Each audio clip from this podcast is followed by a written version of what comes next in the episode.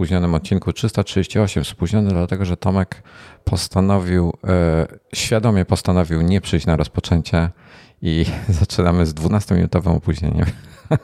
E, nie mam nic na swoje usprawiedliwienia. Cześć. Cześć, cześć. E, nadra nadrabiamy w międzyczasie sobie czat, bo dużo osób dzisiaj tutaj pisze, bardzo aktywną publiczność mamy. Witamy wszystkich serdecznie. Bart, e, o, o, tutaj o Apple Care, o Apple Care Plus są, o tym, czy duńskie oferty, duńskie ubezpieczalnie wymieniają e, telefony, iPhony na nowe, jeśli się go upuści. E, o tym, że PZU wymienia na nowy. Bartosz coś o tym wie, ponieważ Bartosz regularnie upuszcza swój telefon na ziemię i musi trzy razy do roku przynajmniej wymieniać na nowy. Mamy, co jeszcze mamy? A, i mamy tutaj w końcu pytanie, które chciałem poruszyć tak na dzień dobry, taki real-time follow-up. E, Grzegorz się pyta, jak sobie radzimy z NTFS. Czy ty sobie radzisz z NTFS-em pod Maciem? E, Tomek sobie radzi z NTFS-em w ten sposób, że sobie Windowsa zainstalował. Tak. Ja sobie radzę z NTS-em w ten sposób, że nie korzystam na Macu z napędów e, wyposażonych w, znaczy sformatowanych jako NTFS, więc mnie to zupełnie nie interesuje. Są jakieś takie Paragon NTFS, takie jakieś rzeczy, nie wiem na ile to jest wszystko aktualne, nie wiem jak to wszystko się ma do e, Apple Silicon, bo mnie to kompletnie nie interesuje. E, generalnie moim zdaniem korzystanie z NTFS-a pod Maciem jest problematyczne. Jak miałem jeszcze normalnego Maca, czy tam po prostu macOSa i Windowsa jednocześnie, no to zamieniłem to, co mogłem na, FAT, na exFATA tylko się pojawił taki problem, że Windows niektórych rzeczy nie potrafi zrobić na exfacie i musi mieć NTFS-a. Na przykład do niektórych gier tak jest. Czemu widzisz, Windows jest ograniczony względem Maca.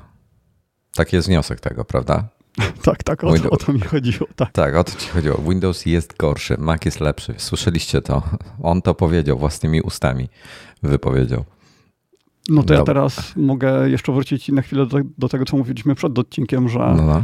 Y, myślę o tym, żeby mieć jednocześnie macOSa i Windowsa. Tylko jako maszyna wirtualna bym to chciał mieć zrobione.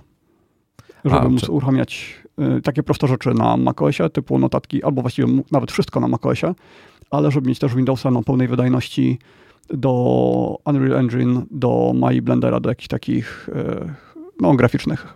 A co wirtualizuje Maca na Windowsie? Linux. To jest tak, że instalujesz Linuxa, jakiegoś Arch czy coś tam innego i masz jednocześnie trzy systemy operacyjne. Linux, który sobie działa w tle, Mac OSa i Windowsa. I dzięki takiemu rozwiązaniu nie jesteś ograniczony sprzętowo, bo możesz mieć Epica, Ryzena, cokolwiek chcesz. Czyli to jest mniej więcej tak, jakbyś sobie kupił dom, w którym stoi hala produkcyjna, w którym stoi mieszkanie. W której stoi mieszkanie? Bo, nie, bo w domu mieszkasz, czyli w Windowsie, i w, gdzieś masz tą, halę produkcyjną, która jest Linuxem i pod Linuxem masz, e, w tej hali produkcyjnej masz mieszkanie, czyli Maca. E, nie wiem, jak się do tego odnieść, ale chodzi o to, żeby nie używać żadnego VirtualBoxa, nic takiego, tylko żeby to zrobić tak jakby z pass-through do karty graficznej, do wszystkich e, podzespołów komputera. I co, i tak I przez wtedy... takie podwójną wirtualizację da się? A, bo ty nie używasz podwójnej wirtualizacji, tylko ty używasz ten Windows Subsystem for e, e, Linux. Nie, nie używasz tego, e, nie, nie, nie wirtualizujesz całego Linuxa. Linux jest natywnie wtedy. Tak mi się wydaje, że Linux jest natywnie. I Linux wirtualizuje i Windowsa, i macOSa. Cześć, ja cześć, cześć. Tematu... Czyli twoim głównym systemem operacyjnym stałby się Linux?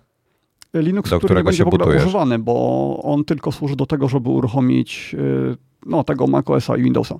Czyli launchera sobie instalujesz po prostu. No trochę tak. Y, I to byłoby fajne, no bo mógłbym używać natywnie wszystkich aplikacji makowych, y, szczególnie takich całkowicie podstawowych, typu notatki, numbers i to wszystko, czego nie da się używać przez www, bo jest tak złe. No i dodatkowo miałbym też cały czas maszynę do VR-u, do 3D i wszystko by mi działało jednocześnie, więc nie byłoby tego problemu, który miałem wcześniej na Hackintoshu że odpalam sobie e, Windowsa i chcę sobie pograć, po czym zaczynam się ściągać 200 GB update'ów, bo tam, nie wiem, 5, 5 tytułów w tle e, się właśnie update'uje. No, to było strasznie irytujące. Z tego powodu postawiłem maszynę wirtualną wtedy na macOSie, no ale e, słabo mi to, słabo mi to działało. No dobra, ja ciekawy jestem, jak, te, jak to będzie wyglądało. To chciałbym, żebyś poopowiadał, jak będziesz szczegółowo.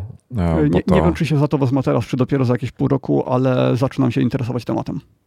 Za pół roku to już wiesz, zapomnimy o tym. Już cztery. Mm, myślę, że coraz bardziej mi będzie brakować tych wszystkich e, makowych aplikacji. No ja sobie tak ostatnio właśnie, e, dobra, wrócę, okej, okay, a propos roszczeniowej, dobra, przelecimy się po czacie, bo jest parę fajnych tematów, zanim przejdziemy do w zasadzie e, innych. Rad, nie Radek, tylko ktoś ma do mnie pretensje. Nie pamiętam, przepraszam, nie mogę tego teraz znaleźć. Dużo tych wiadomości jest w czacie. Ktoś ma do mnie pretensje, że Adam, cześć, że co z moją. A, jest. E, Mr. Jazzowo. Wojtku, co z dalszymi testami 13 Pro i dlaczego nie mówi wideo recenzji? Odpowiadam ci, Mr. Jazzowo. Moje 13 Pro jest late 2016 i nikogo już ten komputer nie interesuje. Ale będę go sprzedawał niedługo. Za namową e, Tomka. Natomiast zakładam, że mówiłeś o 14 Pro. 14 Pro, ja cały czas się przenoszę. Wiesz co, tak jak już mam mi się nowe tematy pojawiają, to na e, stronę wrzucam e, artykuły. Cały czas mi się zdjęcia synchronizują. Jeszcze mi się nie synchronizowały. E, Czy to już Więc... są dwa tygodnie? No, już dwa tygodnie jakoś minęły, półtora chyba. Coś takiego, coś, coś pod, pod dwa już podchodzi. Więc, więc powolutku. Zastanawiałem się dzisiaj właśnie, jak zrobię przejście na na to, żebyśmy nagrywali, dopóki nie będę miał, a to jeszcze chwila minie, zanim nie będę miał kolejnego biurka i nowego setupu jakby pod e, podcast. Właśnie dzisiaj będziemy gadać, co, co planujesz e, tam urządzić. No i szczerze, szczerze nie wiem jeszcze. Dobra, e, polecę jeszcze po innych tematach, zanim do tego przejdziemy. Tutaj, tutaj był temat o NTFS, o ubezpieczalniach w Polsce. Mm, I Tomasz y, pojawił się w czacie, którego ze swoimi sucharami, dawno ich nie było, i napisał właśnie, jak dużo miejsca zwolniło się w Unii Europejskiej, odkąd Wielką, Wielka Brytania odeszła, 1 GB. No to no, nawet to wyszło. Ja się, zastanawiam, ja się zastanawiam, Tomasz, czy, czy ty sobie te suchary tak przygotowujesz zawczasu, czy, czy po prostu z głowy?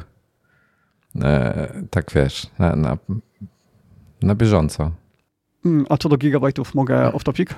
Follow-up właściwie do poprzedniego no. odcinka. No, no, dawaj. Y, w końcu znalazłem testy, które były w stanie pokazać różnicę w wydajności między Maciem, y, który ma podstawę te 16 GB i więcej. No i żeby to było tak, ale takie testy, które pokazują, że ta różnica jest bardzo duża i nie jest to Xcode. Bo w Xcode to wiedzieliśmy już wcześniej, że jest różnica. Y, no więc Lightroom ale Lightroom, który miał załadowane 200 megapikseli zdjęcie, jakąś panoramę, no 100, 193 i faktycznie ta różnica tam była bardzo duża. Y, no i y, renderowanie w Octane, taki silnik renderujący, który wykorzystuje bardzo dobrze y, to śledzenie promieni od NVD, czyli no RTX-a, no to tam mhm. różnica też była gigantyczna, chyba dziesięciokrotna. A nie, przepraszam, tam była różnica mm, po pierwsze była duża różnica między różnym ramem, a po drugie była duża różnica między Macami i komputerami na Windowsie, więc no też ciągle Windows tam mm, będzie górował. Dobra. E, Makun sugeruje, żebyś zainwestował w Maca e, i Grzegorz Marczak. E, a ja mogę powiedzieć, czemu nie mogę mieć Maca. No to poczekaj, poczekaj, bo chciałem Grzegorzu Marczaku opowiadać, bo Grzegorz Marczak w końcu po wielu latach zawitał do czata i powiedział, napisał cześć dziewczyny, więc cześć. Cześć Krzesiu, jak się masz? To, było moje, to, było, to był mój damski głos. Przepraszam. Czekaj, czekaj, Grzegorz Marczak, y, bo... Yy... A taką małą stronę prowadzi, takiego małego bloga. tak? No taki mały blog antyweb prowadzi. No to dobrze zapamiętam. Słyszałeś tak, może o tym? tak, tak, słyszałem. W przeciwieństwie do Spiderweba na Antywebie nie mam bana na, na ich Twitterze. Tak, ja, a ty nie masz bana na tego, ja inaczej.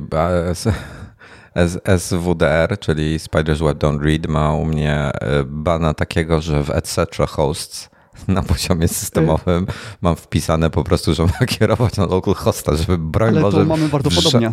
w żaden sposób, żebym tego nie otworzył. Etc. Ja mam... hosts i jest tam, jest tam po prostu zabanowany. To ja mam na NextDNS-ie. Tam możesz sobie zrobić okay. blacklist I No.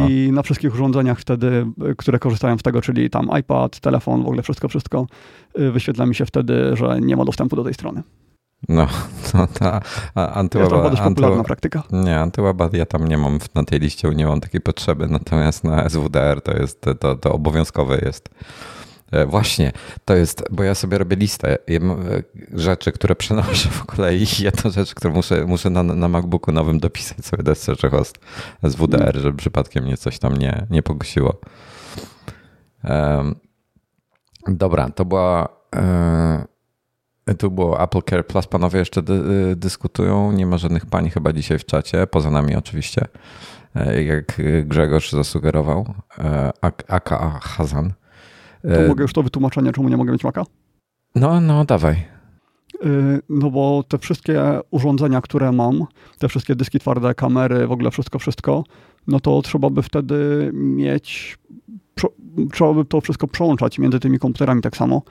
Y, I wolałbym mieć do tego dostęp wszędzie. Poza Jak- tym jak to przełączać? mam. Y, No, żeby móc na przykład A, ScreenFlow używać i tego wszystkiego, co jest fajne na macOSie. Ale nie, nie, no, ale potrzebuję nie, tego też na Tomku, Windowsie. nie, Tomku, do Windowsa sobie używaj tak jak używasz. Maca tylko dom podcastu, żebyś miał. Okej. Y, I tam jeszcze było kilka takich rzeczy, które by mnie irytowały. Y, chcia- Chciałbym mieć w ogóle tak, żeby móc mieć jednocześnie na jednym monitorze i okienka z jednego systemu, i okienka z drugiego. A w ogóle znalazłem y, taki mod do Firefoxa, który sprawia, że Firefox wygląda jak y, Safari i jest dużo przyjemniejszy w użytkowaniu dzięki temu. Y, Bo na przykład wyszukiwarka jest teraz y, tak, że ją widać, a nie gdzieś tam się kryje pod, pod ekranem. No, ten układ zakładek i wszystkiego jest inny. Wygląda tak jak natywna aplikacja Macowa. Nawet te do zamykania, mm, te takie ikonki są z lewej strony. To musisz to dodać e, w odpowiedniej kolejności do listy tematów, żebym mógł to dodać do e, linków na dole potem. Bo to Okej. ciekawe. Dobra. E, e, Marek, Wrona, Marek W, przepraszam, miałem nie mówić po nazwiskach, bo to ponoć jak po pysku, czy jakoś tak to było. Po nazwisku to jak po pysku, tak? Taki był zwrot polski? Ja, ja nic nie wiem. Nie, nie znasz tego. To była ta wiadomość, czy odcinki z dwóch ostatnich tygodni były gdzieś publikowane poza YouTube, bo na Spotify nie widzę. Są na Spotify'u, Marku. A przynajmniej powinny być. Bo Tomek może sprawdzić. Overcastie są.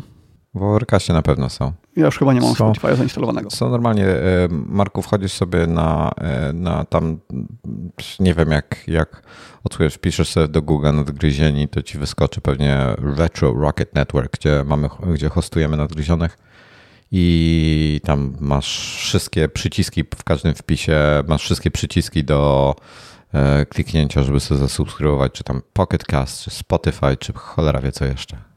Dobra, już przeszliśmy na temat e, ubezpieczeń samochodów. Gwiazda nam się rodzi dwa razy do, do dwóch razy w roku. Nie wiem o co chodzi. E, To jest bardzo żywa dyskusja. Jestem w plecy za czatem strasznie daleko. E, I tutaj Dobrze, że teraz nam się nie zrobił znowu kolejny odcinek Q&A. będzie, będzie chyba taki, wiesz. Dzisiaj jest w ogóle wolne u nas. W większości. Em, o, bo y, tam, przepraszam, ja takiego, takiego off-topa zrobię. Bo Tomasz napisał, że jak się, jak się mówi, że mam banana, to wychodzi banana. Banana. Banana. No i to mi się przypomniał. Zrozumiałem. tak. mi się przypomniał kawał z tym, z Jasiem, że pani od polskiego poprosiła klasę o e, jak to było? O e, użycie, słow, e, użycia słowa ananas w zdaniu. No ja się tak myślę, myśli, patrzy się na panią. No więc wróciliśmy wczoraj z siostrą do domu. Patrzymy się, a w kuchni e, siedzi nasz tata i je kiełbasę, a na nas nawet nie spojrzał. to, to są tak durne kawały. Ale z tyłu Tomka, z tyłu Tomasza. Och, hmm, dobra, nie będę wymieniał.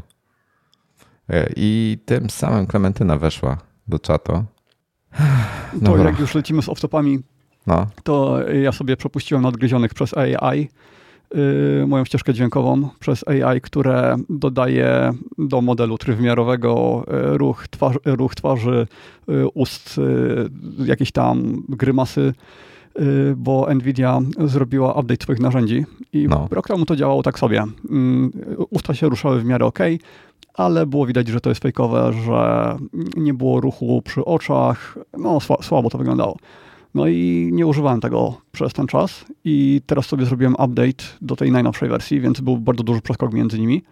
Y, No i działa to dużo, dużo, dużo lepiej.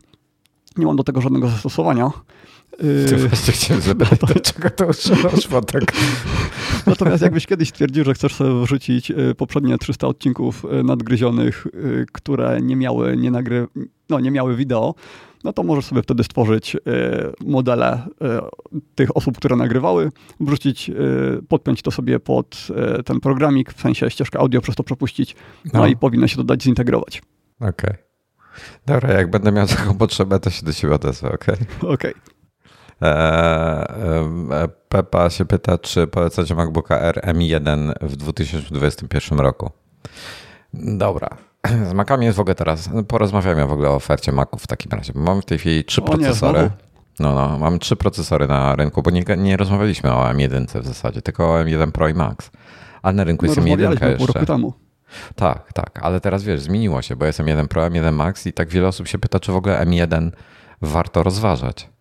Mhm. To jest, A oglądałem jest, ostatnio porównania y, i y, warto, warto, zdecydowanie warto. Warto, to jest kurde, to jest nadal to, że się pojawił szybszy M1 Pro i jeszcze i, i szybszy M1 Max nie znaczy, że M1 jest wolniejszy z jakiegoś powodu.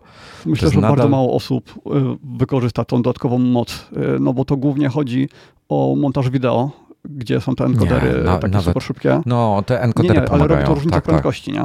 No. Y, Natomiast do wszystkich takich normalnych zastosowań, y, typu no, korzystanie z internetu, z jakichś narzędzi podstawowych, z Photoshopa, y, no, w sprawie wszystkiego. Nie mówię tutaj o zdjęciach 40 megapikseli i takich zastosowaniach profesjonalnych, no ale o normalnych fotkach.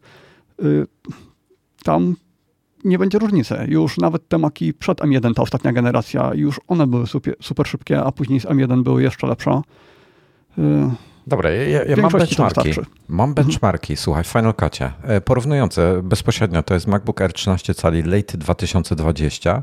Tak, tylko E, czekaj, czekaj, bo o najwiek- ile jeszcze w no. benchmarkach to będzie trochę widać, no to w rzeczywistości Właśnie chcę jak... do tego powiedzieć. No, Mhm. chcę się do tego odnieść. Dobra, dawaj. Bo to jest tak.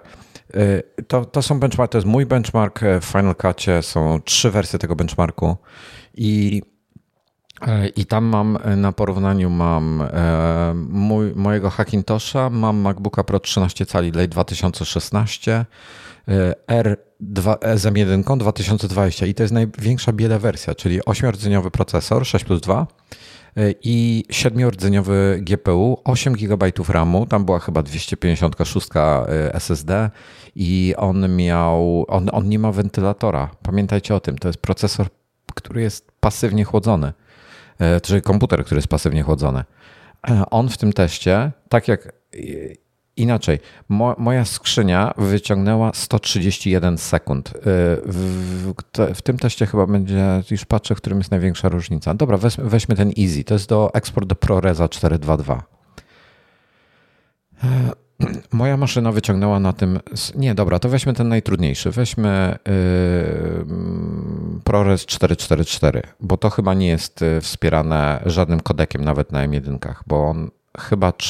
A może on wspiera 4444? Mi się zdawało, że tylko 4, do 422 HQ, ale może się mylę. E, nie, no dobra, to weźmy H264, bo to jest najbardziej typowy chyba eksport. Ludzie eksportują najczęściej do H264. To jest tak, moja buda prawie 300 sekund, 295 sekund potrzebowała na to. MacBook Air z M1 potrzebował 400 sekund, czyli y, 100 sekund więcej, czyli 30% wolniejszy był.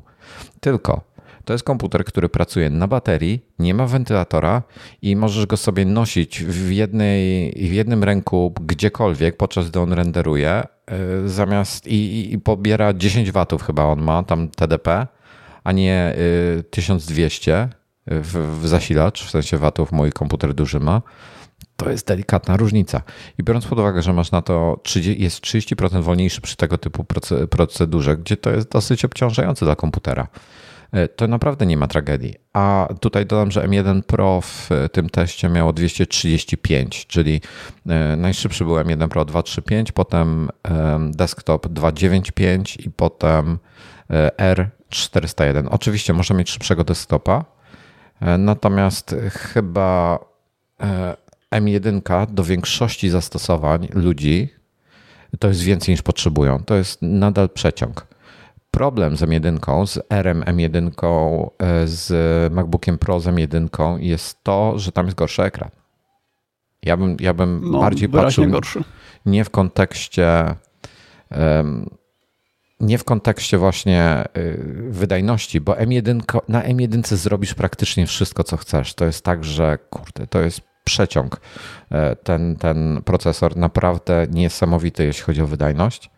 E, szczególnie, że, że to są cały czas, mówimy tutaj, to jest 10-watowy mobilny procesor, więc to jest kosmos totalny.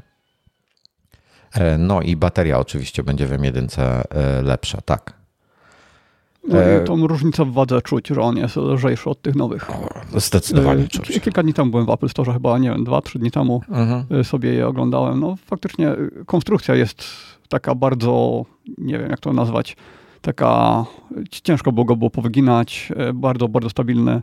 No super, ale e, jakbym miał wybierać, to jednak wolałbym, zakładając, że moc jest identyczna, no to wolałbym tą trochę słabszą konstrukcję, ale jednak e, lżejszą wagę, tak jak było kiedyś. A no, nie, tylko, ja... tutaj... Mówisz o 14, teraz 13 kontra 14, tak? Tak, tak, tak. Pro.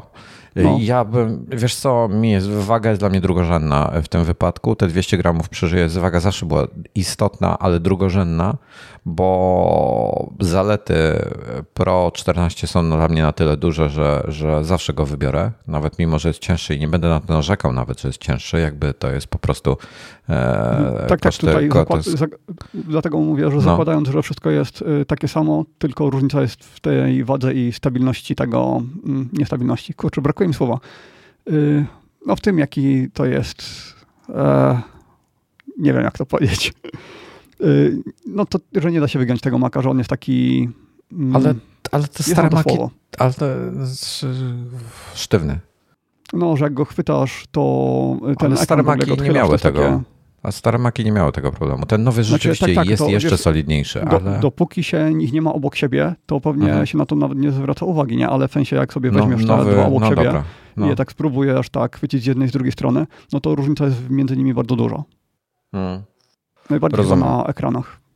No to ja powiem tak. Y, w ogóle biorąc pod uwagę, jak małe są różnice między 13 Pro a 13R, to ja osobiście zawsze wybrałbym 13R, y, bo jest y, lżejszy i bo jest, ma taki sam ekran, bo no dobra, ma ciut gorszy ekran, ciut, ale na tyle dobry jest ten ekran, bo on ma już chyba R, z M1 ma display P3, prawda? Ma P3. Chyba tak. Inaczej, jeśli nie ma P3, to, to, to cofam, wziąłbym Pro, ale jeśli ma P3, a zdaje mi się, że ma, to wziąłbym Era. Wolałbym mieć Era w tym momencie kosztem jasności, bo na pewno ekran jest o 100 nitów ciemniejszy w Maxie, ale wolałbym mieć Era ze względu na konstrukcję, bo to jest, y, R jest w ogóle świetną konstrukcją, lekki, bardzo mocny, nie ma wentylatora, to są same plusy dla mnie. Natomiast 14 Pro jeszcze mi się nie udało uruchomić wentylatora na moim, więc cisza, tak jakby go nie miał dosłownie. E, wypas totalny. E, natomiast hmm, czy dzisiaj brałbym Era? To jest bardzo dobry komputer, ale jeżeli go zostawimy w kontekście z tym, że na wiosnę ponoć, czyli zakładam, że gdzieś do marca, Y, ale szykowałbym się tutaj do połowy roku, czyli do czerwca, bo mogą być opóźnienia ze względu na, na, na ten cały, wszystkie, no, wszystkie problemy na świecie w tej chwili y, z komponentami, to biorąc pod uwagę jak czego się spodziewam od nowej konstrukcji, to poczekałbym na nową konstrukcję, bo to będzie całkowicie nowa konstrukcja. A co do opóźnień, to widziałem, że twojego Stream Decka opóźnili o jakieś dwa miesiące, tak? Czy nawet dłużej? A to tak, zaraz o tym pogadamy. O, o Stream Decku, bo chciałem o tym, o Steam Decku. Steam Decku. Zaraz porozmawiamy. No, no, no. E, tak, tak, Steam. No, Pepa się pyta, czy warto opłacać do 16 GB. E, tak. Pro, tak. tak, na pewno. Do 32, znaczy powiem tak, jeżeli ktoś, jeżeli ktoś wykonuje pracę biurową i chce sobie kupić najtańszy możliwy komputer, czyli era w podstawie zupełnej, to nie odczuje tych 8 GB. Y, mówię do pracy biurowej i to nawet do niektórych rzeczy ciut bardziej zaawansowanych. Są nawet testy na YouTubie, gdzie e, ktoś zostawia w Final Cutie RH 8 z RM 16 i w zasadzie nie ma żadnych różnic. Są jakieś mikroskopijne różnice wydajności.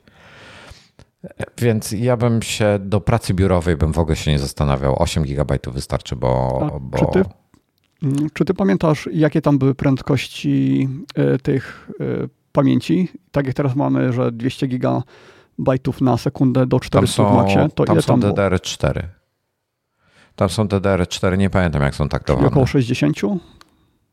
Nie wiem. Nie wiem. Nie, bym musiał teraz to wziąć, e, zagłębić się w specyfikację i policzyć to, a a nie będę zmuszał oglądających i słuchaczy do siedzenia. Musiałbym to policzyć. Mhm. E, Nie Okej. wiem, ile na DDR4 jest, na pewno mniej. Natomiast e, nie sądzę, aby to było zauważalne, do, szczególnie do pracy biurowej.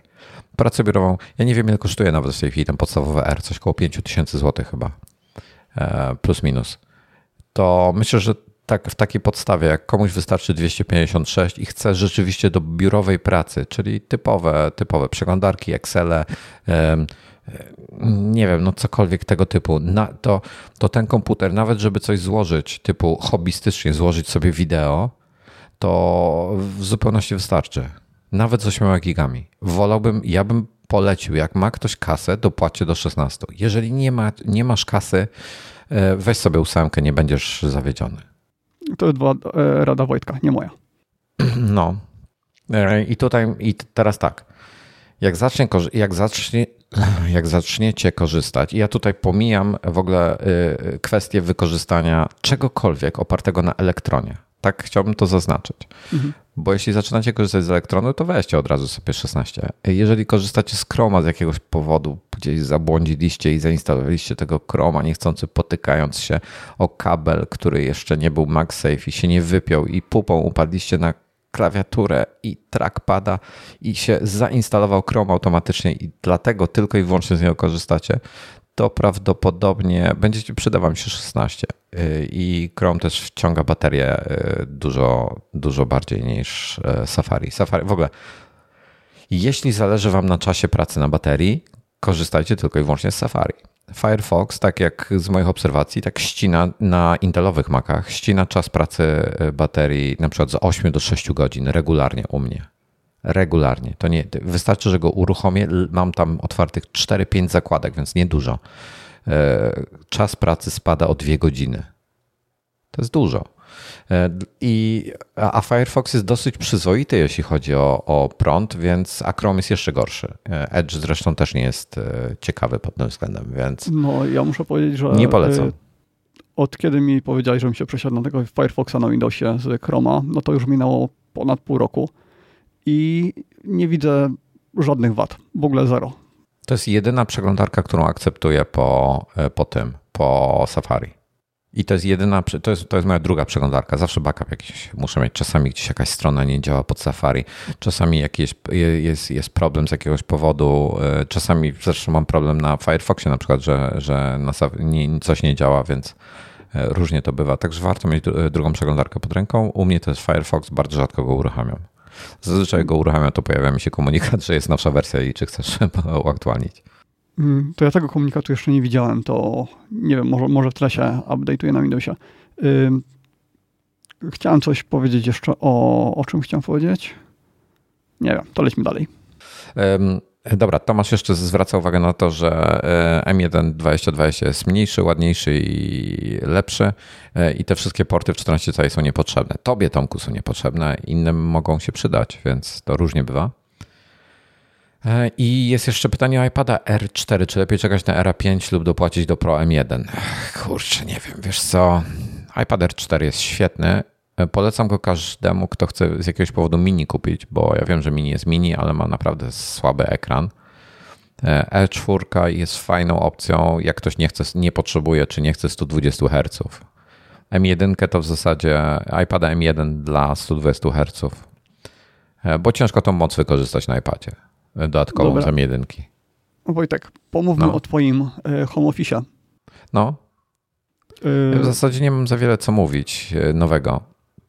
Hmm. Bo nie, jeszcze nie do końca to wszystko przemyślałem. Generalnie będzie, e, będzie drugie biurko e, stojące. Mhm, na stałe gdzie... stojące, tak?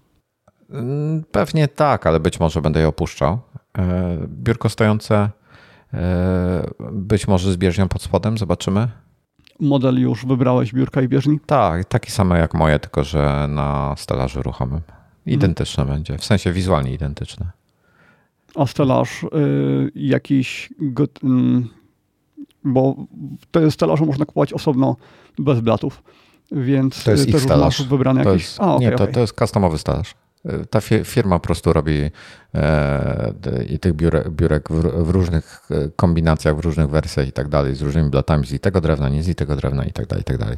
I mają no to właśnie... powiedz, na co się zdecydowałeś, jaka to jest firma? E, to jest polski producent Deerhorn mhm. Mebli. I oni, Pamięć oni ma, robią... tak? Proszę? Możesz sobie ma zaprogramować różne pozycje. Trzy chyba ma. Okej. Okay. Trzy chyba ma.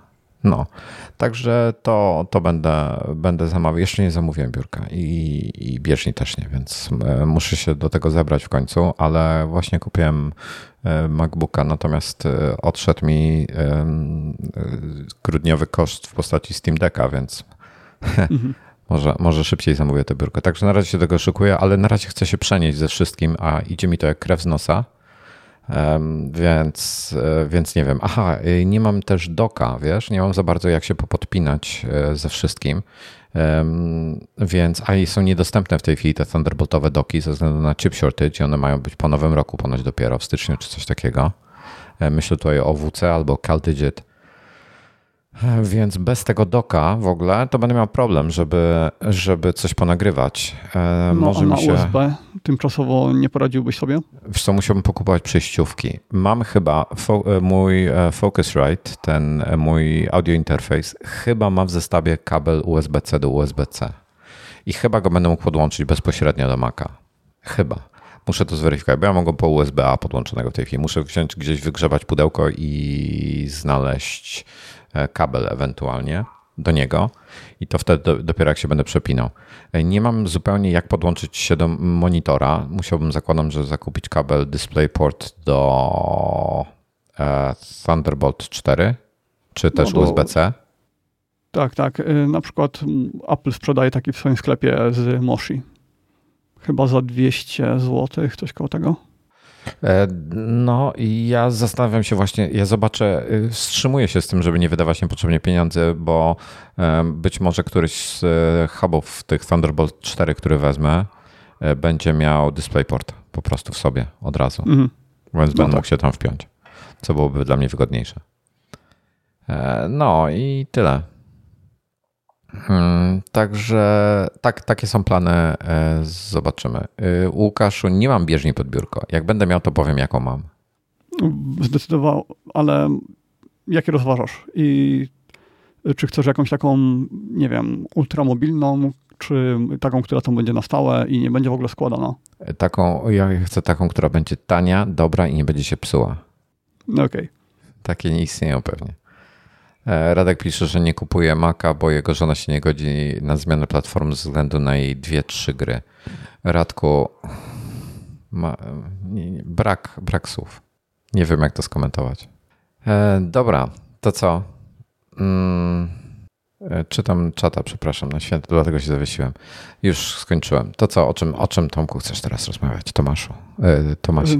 No myślałem, że więcej mi tutaj powiesz o tym swoim home office, na przykład co z tymi roletami w końcu zdecydowałeś. Nie, ja nie robię, nie robię rolet, nie chcę mieć rolet. Okej, okay, czyli jeszcze nie wiadomo. To jeszcze cię będę namawiał. Nie, nie Ale chcę. Nie Ewentualnie mówię, w najgorszym wypadku z jakiegoś powodu, jakbym miał potrzebę, to zrobię jakiś taki system, że jest po prostu materiał doczepiany E, na żądanie e, bezpośrednio do ramy okna, bo nie, nie chcę montować jakichś rolet albo czegoś takiego, po prostu nie chcę. Po pierwsze, będzie to słabo wyglądało, po drugie będzie to kłopotliwe, po trzecie będzie to szpeciło. Nic, nie ma nic, nie, no co by mi odpowiadało. Kom kompletnie niewidoczne, bo będziesz miał tylko tą rolkę u góry i tyle. Mm, w sensie? No jakbyś sobie wziął takie montowane wewnątrz okien rolety. Ale jak wewnątrz Ale... okien? No te, które nie wymagają montowania na ścianie, tylko tak jakby Ale między... to ja wtedy nie otworzę okna, wiesz? Bo nie mam miejsca na to, żeby, żeby zmieścić między ramę okna a ścianę. Mam, wiesz, ty, ty, tyle miejsca. No to chyba na, nawet się na samej szybie montuje, a nie na ramię. Chyba są też takie tylko na, na szybę. No, dlatego, y, roz... ale ja nie, nie mam potrzeby, wiesz? Ty mnie namawiasz na te Dobra, rolety, żeby dziś, miał kontrolowane światło, nie, ale, ja, nie, ja nie mam takiej potrzeby, dlatego tak, wiesz, tak. nie za bardzo... No, ja do tego e, jeszcze wrócę za pół roku albo kiedyś tam. Dobra, dobra. Jak już e... zrozumiesz, że to byłby całkiem inny komfort pracy. Nie, nie, nie mam takiej potrzeby. Ja nie lubię po ciemku siedzieć, nie lubię w sztucznym świetle siedzieć, lubię przy naturalnym świetle, więc wiesz, jest to dla mnie... E, o, to czekaj, czekaj, dla ostatnio miałem podobną rozmowę na Twitterze. Nie lubisz przy sztucznym świetle, no. Inaczej, chcesz mieć światło słoneczne, czy chcesz mieć widok za oknem? Jedno i drugie. Okej, okay, no to tutaj jest gorzej. E, no bo światło tak jak słoneczne, no. od kilku lat można zrobić bardzo prosto. No, dobre są takie LEDy, y, które mają świetne parametry i nie rozróżnisz ich od światła słonecznego, tylko raka od nich nie dostaniesz.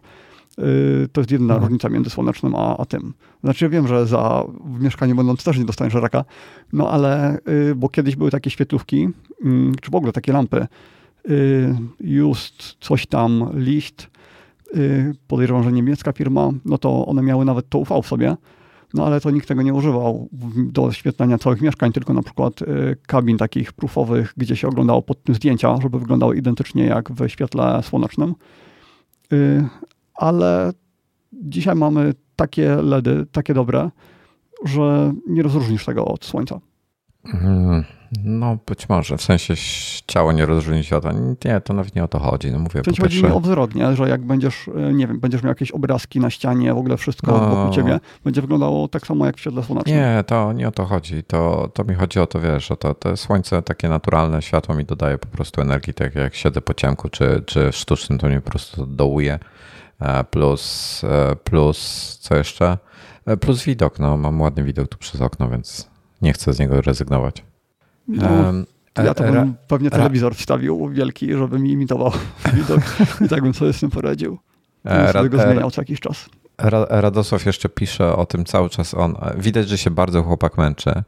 E, z tym, że ma tego peceta i żona mu nie pozwala, bo ma e, dwie gry, w które musi grać na pececie. Radku, ja taką głupią sugestię e, ci dam, nie, bo ktoś zasugerował, że żonę zmienił, to tego nie będę ci sugerował, bo to już ktoś inny zrobił i spodziewam się, że nie skorzystasz z tego. Natomiast jest to zawsze jakaś opcja. Natomiast wiesz co, kup sobie po prostu MacBooka R. Nie będziesz nic żonie zmieniał w tym momencie, a będziesz miał Maca swojego, na którym zrobisz praktycznie wszystko. I, I może wtedy nie będziesz cierpiał z tego, bo strasznie się męczysz, widzę. W każdym, w każdym odcinku, już chyba pięć, piąty odcinek o tym gadamy. E, I...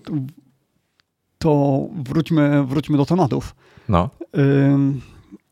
czy oglądałeś to, co podesłałem w notatkach? Czy w ogóle oglądałeś konferencję NVIDIA? Nie. To ona mnie zainspirowała, żeby sobie odświeżyć te narzędzia, zobaczyć właśnie tą y, emulację mimiki twarzy i tego wszystkiego. Ale oni, a tą rok temu oglądałeś? Jak pokazywali tam RTX nowe i to wszystko? Czy w ogóle nie, nie, nie, nie w ogóle mnie nie interesują te konferencje. Zupełnie. Kurczę, one to są jest, super. Właśnie to, to są... dla mnie tak nudne, że hej, jak dla większości ludzi chyba.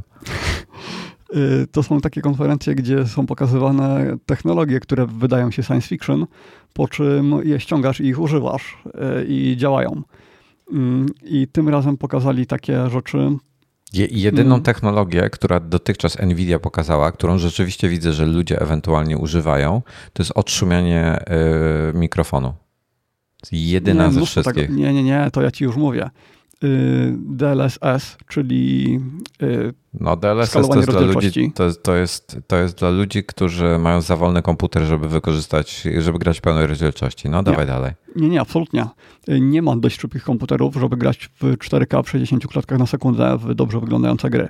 No Więc to mówię, skoro Nvidia nie potrafi ogarnąć na tyle szybkiego GPU, żeby grał 4K 60, to robią DLSS. To jest, to jest, e, to jest bandaż na ranę. Nie, bo ten DLSS potrafi działać e, też inaczej. Działać jako anti-aliasing, czyli zamiast takich metod jak do tej pory, y, no. to DLSS ci robi na przykład 8K i później downskaluje to do 4K. To jest taki przykład, nie wiem, czy akurat takiej rozdzielczości używa, ale dzięki temu masz no, lepszą jakość niż te metody antyaliasingu, które były wcześniej. Co na przykład w VR-ze, gdzie wszystko jest gigantyczne i samochód nie ma 30 cm, tylko ma 5 metrów, no takie technologie są bardzo istotne tam. Okej. Okay. Ale dobra, to był tylko jeden z takich przykładów. No, odszumianie, o którym wspomniałeś. Y, green screen, który jest 100 razy lepszy niż wszystko inne, co ma green screeny. Znaczy nie green screen. Y, technologia wycinania tła z kamery, która jest zrobiona po to, żeby działało bez green screena i bez blue screena. I działa to dużo, dużo lepiej niż to wszystko w Skype'ie, w Zoomie, w tych wszystkich aplikacjach, y, czy nawet w OBS-ie. Od, odszumianie dźwięku Y, takie nie z mikrofonu, gdzie ja coś nagrywam, nagrywam podcast, tylko na przykład oglądam jakiś wywiad na YouTubie, no i używali fatalnego mikrofonu, y, słychać szum w tle, słychać jakieś trzaski, y, albo jest rozmowa na zewnątrz, deszcz pada, jest taki hałas, wycina ten deszcz, y, zostawia rozmowę. Mm, super to działa, naprawdę science fiction, w sensie nieważne jakbym tutaj to zachwalał, nikt w to nie uwierzy, dopóki tego nie przetestuje, bo to jest aż tak dobre. Albo takie rozwiązania biznesowe, które pokazują, których, firm, których firmy faktycznie używają. Y, oni mają ten swój omniverse, czyli takie, nie wiem nawet jak to określić. Omniverse to jest zestaw najróżniejszych narzędzi, które są ze sobą połączone i które są też y, różnymi wtyczkami, integracjami z innymi aplikacjami. Czyli na przykład Y, ktoś projektuje grę, robi ją sobie w Unrealu. Ktoś inny robi przedmioty do tej gry, robi je w Mai, ktoś inny robi malowanie do tych gier w Substance Painterze i w sumie tych aplikacji jest 10 różnych i każdy pracuje w swoim narzędziu i na żywo to wszystko się zmienia u wszystkich. W sensie, jeśli ja tworzę e, przedmiot, jaki, jakąś broń, to widzę te malowanie, jak się pojawia. I oni mają też swoje narzędzie do tworzenia wirtualnych światów, które jest czymś w rodzaju silnika do gier, ale jest skalowane, tak niesamowicie skalowane i ona ma tak docelowo posłużyć do, y, do stworzenia wirtualnego świata, takiego wielkości całej planety. Natomiast obecnie się tego używa na przykład do tworzenia wirtualnych miast albo wirtualnych y, fabryk. BMW z tego korzysta i działa to tak, że jak już chyba jak rok temu czy pół roku temu to pokazywali, to BMW miało jedną fabrykę i ona była, to się nazywa, mówią na to twin, tak jakby bliźniak. Czyli jest sobie fabryka w wirtualnym świecie i ona działa tak jak ta prawdziwa fabryka. I jeśli oni chcą wprowadzić jakieś optymalizacje, to wprowadzają je w wirtualnym świecie i one się przekładają później na świat rzeczywisty. Y, co to daje? No, mnóstwo rzeczy, gigantyczne optymalizacje. Na przykład Y, jakieś roboty się zepsują, bo tam jest mnóstwo, tam wszystko jest zrobotyzowane. Coś się psuje. No to nikt się nie zastanawia, w jaki sposób to teraz zastąpić, żeby nie stracić na wydajności, tylko ten system robi to wszystko za nich. Y, I działało to na tyle dobrze, że w tej chwili się to rozprzestrzeniło na kolejne fabryki. Teraz BMW ma chyba trzy takie, a Siemens zaczął robić wirtualne miasto. I chodzi o to, że na chcą wiedzieć, w jakich miejscach mają budować nadajniki, żeby mieć perfekcyjny zasięg. No tylko jest problem, bo różne budynki są z różnych materiałów, y, to znaczy nie, może inaczej. Y, są budynki, które są z betonu, samochody, które są z metalu, drzewa i tak dalej. I to wszystko w inny sposób oddziałuje na te fale, na te fale z nadajników. Różnie je odbija, przepuszcza mocniej lub słabiej. Więc NVIDIA w tych swoich narzędziach używa materiału, który się, który się nazywa chyba PB, PBR USD. PBR to jest ogólnie taka... E, Physics-based rendering. E, no, takie wirtualne materiały na zasadzie, że masz teksturę, która, nie masz podłogę powiedzmy. No to kiedyś było tak, że ta podłoga wyglądałaby różnie w zależności w jakim ona jest świetle, zaprojektowałeś coś w jednym świetle, później chcesz tego użyć gdzieś indziej, no i właściwie musisz wszystko dostosowywać. Od kiedy są PBR-y, no to już ten problem zniknął, bo one ci mówią, czy obiekt jest metalowy, w, w jaki sposób e, odbija światło i tak dalej, i tak dalej. Ale e, tutaj e, w tej NVIDII dochodzi jeszcze aspekt, tak, tak, MSFS, wyko MSFS wykorzystuje PBR na powierzchniach samolotów na przykład. Tak, te, wszyscy wykorzystują PBR-ów, PBR w tej chwili, bo y, no, to jest aż tak dużo lepsze od tych innych metod. znaczy ten temat w sumie mógłbym zagłębić dużo, dużo bardziej, ale chyba, chyba nie ma sensu, y, ale Nvidia używa y, też, mm, jakby to powiedzieć, nie, nie, w NVIDIA nie chodzi tylko o wygląd, tylko o to, jak te materiały się zachowują. Czyli właśnie jak bardzo przepuszczają różne fale, jak bardzo wpływa na nie, nie wiem, temperatura czy jakieś tam inne rzeczy. Teraz akurat zgaduję z tą temperaturą, no ale skoro wiadomo, jak bardzo przepuszcza materiał różne fale, no to skoro sobie zbudujesz budynek y, używając tego materiału, no to Wi-Fi czy jakaś tam sieć 5G będzie się zachowywała w tej symulacji tak, jak się zachowuje w rzeczywistości. Więc dużo taniej jest wybudować sobie taką symulację, sprawdzić wszystko, y, poklikać sobie, żeby obliczyło ci, gdzie masz to wszystko rozstawić, niż robić testy na zasadzie chybił trafił albo jakichś wyliczeń matematycznych, które y, no, raczej nie będą precyzyjne, bo musiałbyś mieć wszystkie dane, w sensie y, brać pod uwagę, jakie są korki o, na drodze, w jakich godzinach, no w ogóle wszystko, wszystko. Warunki atmosferyczne i tak dalej. I teraz jest, nie wiem, czy do ciebie to też dotarło, czy to tylko tak w mojej bańce, ale mnie o Metaverse się pytają nawet osoby, które w ogóle nie, nie grają w gry, nie mają żadnej styczności z VR-em, z niczym takim, no. I wszyscy gadają o metaversie od kiedy y, najpierw jak Epic to zapowiedział, to było trochę głośno o tym, no ale teraz jak Facebook to po, y, pokazał swoją wizję, no to teraz to dotarło do, do wszystkich.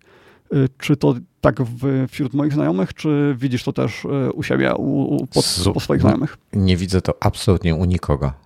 Okej. Okay. Więc, yy, więc nie, w ogóle metaverse mnie średnio E, interesuje. W ogóle ktoś ostatnio powiedział, że najlepszym przykładem, że meta, my wszyscy mówią o, o metaversie, o tym, że i tak dalej, i tak dalej, że, żeby tego, a, a ktoś powiedział, metavers już jest od dawna, Minecraft. Nie, to nie jest metavers. To nie ma nic wspólnego z metaversem. No już... I mogę ci wytłumaczyć czemu. Już znajdziesz setki argumentów, bo już dyskusje na ten, na ten temat trwają od dawna w internecie znajdziesz setki argumentów. To wszystko, co teraz powiesz, to już ktoś wyartykułował i nie, nie, to już tylko osoby, które nie znają, nie, nie rozumieją, czym jest metaverse. No dobra, dawaj. Y, dokładnie to, co teraz powiem, pisałem y, na jednym forum y, kilka dni temu, że w metaversie absolutnie nie chodzi o to, żeby w jednej, w jednej grze czy w jednym czymś tam móc wszystko zrobić. Chodzi o to, żeby stworzyć y, taki jakby model komunikacji między różnymi y, narzędziami, różnymi grami, różnymi y, światami, czyli robisz coś w, jeździsz sobie samochodem w Forzie i możesz tym samochodem wjechać sobie gdzieś tam na parking z mapy, na mapie z Fortnite'a, wysiadasz z tego samochodu i twoja postać wygląda jak postać, y, y, którą grasz w jakiegoś tam RPG. Masz na sobie tą zbroję i to wszystko. I twoim awatarem możesz się przemieszczać pomiędzy tymi różnymi produkcjami, różnymi grami, przestrzeniami, które są stworzone przez najróżniejsze firmy, które mają, różnią się między sobą diametralnie, bo jedno to będzie RPG, drugie to będzie wyścigi, coś tam jeszcze, coś tam jeszcze. I celem Facebooka, tego Omniverse i tego wszystkiego jest umożliwienie żeby to mogło się ze sobą komunikować, żeby, no, żeby po prostu było możliwe i żeby w przyszłości była możliwa na przykład jakaś wspólna gospodarka wirtualna, no bo wiadomo, że waluta w jednej grze jest zupełnie inna niż w innej i może mieć zupełnie inną wartość, więc to raczej nie będzie tak, że zarobisz w jednej grze i wydasz to w innej, no ale po drodze może być jakiś kantor, jakaś wymiana, czy wymiana na rewol, tak jak mamy rewoluta, że w locie się to wszystko odbywa jest na przykład Star Citizen, w którym masz całe planety, jest Elite Dangerous, w którym masz y, cały wszechświat, jest No Man's Sky, gdzie masz też bili, nie wiem, e, jakieś gigantyczne liczby planet, bodajże 18 do 18 potęgi. I to wszystko nie ma nic wspólnego z metaversem. Nic. Nieważne, że w tych grach możesz zostać górnikiem, możesz zostać piratem, kim chcesz. Dopóki nie będzie tak, że ja mogę stworzyć swoją własną grę, jakąś przestrzeń i pójść sobie tą swoją postacią do ich gry i mm, w jakiś sposób się z nimi komunikować, wymieniać się rzeczami, y, ubiorem i tym wszystkim, no to, to, to nie jest metaverse. Poza tym w metaverse nie chodzi tylko o granie, tylko ogólnie o to, żebyśmy byli w stanie pracować w metaverse, więc na przykład y, Omniverse, to co ci mówiłem, że pracujesz w Unreal Engine i osoba w Mai widzi to, co ty robisz w tym Unrealu, osoba w Painterze nakłada malowanie i pozostali też widzą te malowanie w swoich aplikacjach, no to to też można by uznać jako część takiego metaverse, tylko od tej drugiej strony, od strony twórców. Mm. No. No nie wiem, sk sk skomentuj to jakoś, albo powiedz mi, że nie mam racji. E, wiesz co, e, ja, ja mówię, ja się w Minecrafcie nie, nie interesuję na temat, na temat, e, natomiast były argumenty, że po prostu do Minecrafta możesz wszystko coś takiego zrobić właśnie poprzez SDK. No, ale to wszystko jest w obrębie Z... Minecrafta. Nie, możesz mieć coś własnego i się wpinać w serwery Minecraftowe. Na serwerach Minecraftowych musiałbyś sobie poczytać, co oni w tej chwili robią na tych serwerach Minecraft, Minecraftowych, czym, jak bardzo wiesz, się różnią między sobą, jak skrajnie różne są e, dostępne usługi, narzędzia i tak dalej na różnych serwerach i jak się można w to wszystko wpinać z innych e, światów, więc nie wiem, mnie to szczerze mówiąc kompletnie nie interesuje. Mm, bo w ogóle o ile w, w, takiej, w takiej sytuacji e, biznesowej na przykład, jak mówisz, że, mhm. E, że coś takiego może mieć sens, tak? Bo różne osoby pracują na różnych narzędziach i e, to to, to może mieć sens dla nich i jakieś tam pozytywne, wymierne korzyści to w przypadku jakichś, wiesz, światów growych, gdzie ludzie ty, typowo jako entertainment wykorzystują, to ja na przykład nie widzę żadnego sensu, żeby do świata Forzy wchodził rycerz na koniu, tak? Bo po no, co? No ale bo ty to traktujesz, ale to nie musi być na tej zasadzie. To może być y, tak, że y, to się nie będzie przekładało jeden do jednego, tylko na przykład, że z racji tego, że masz tyle a tyle kasy, no to wydajesz ją tutaj, tutaj, albo że jeśli masz, y, no nie wiem, y, jakąś broń czy cokolwiek, to nie znaczy, hmm. że ta broń będzie też działać w tych innych światach. Może być jedynie jakiś tam akcesorium, czy to kolekcjonerskim, czy w ogóle może się nie przenieść, bo to też nie znaczy, że wszystko będzie przenoszone między, między tymi światami. Tylko no, oni to muszą wymyślić, jak to zrobić, muszą stworzyć jakieś protokoły do komunikacji i to raczej będzie. To, to nie jest tak, że Facebook chce to stworzyć i y, być, nie wiem, właścicielem tego, to ma być mm, jako następstwo internetu. To musi być w miarę otwarte, każdy może dołożyć tam jakąś swoją cegiełkę do tego. Jest jakiś podcast, gdzie jest bardzo ciekawy y, artykuł y, o tym właśnie, że jeżeli to będzie, jeżeli coś takiego będzie otwarte i że każdy może robić co chce, to, to, nie, ma, to nie będzie miało szans na powodzenie. No, nie, nie, to znaczy co chce. W ramach świata będą obowiązywały konkretne zasady. Więc to nie jest tak, że po tym Minecrafcie będziesz sobie jeździł tym samochodem z Forzy Y, jeśli twórcy tego nie przewidzą. Mm, ale jest pytanie po co? Y, tutaj Klementyna pisze, no dobrze, ale po co? No po to, bo w przyszłości będziemy żyć w tych wirtualnych światach. Y, będzie można tak pracować, będzie tak można spędzać czas. W tej chwili, jak się chce spotkać ze znajomymi, no to na żywo mogę się spotkać tylko z tymi, którzy tutaj mieszkają w okolicy, a ci, którzy są w, w Europie, no to widuję ich rzadko. Albo przez jakiegoś Skype'a, czy przez coś takiego. Y, jakbym, jakbyśmy mieli metaverse, no to miałbym swój normalny apartament w Google założone do VR-u, no i siedzi, siedzielibyśmy na tej zasadzie, że ja siedzę na kanapie, obok mnie kumpel na, na fotelu, sobie gadamy, gramy sobie w międzyczasie na, na konsoli, y, czy tam gramy w jakiegoś ping-ponga, y, cokolwiek. I ta interakcja jest taka jak w realnym świecie. Wiesz co, Powiedz, szczerze, no. szczerze powiedzieć ci, ile jest osób na świecie, z którymi w ten sposób chciałbym spędzić czas? No ty jedno, powiesz, że zero. Jedno, jedno, nie, jedno. Powiem, że jedno.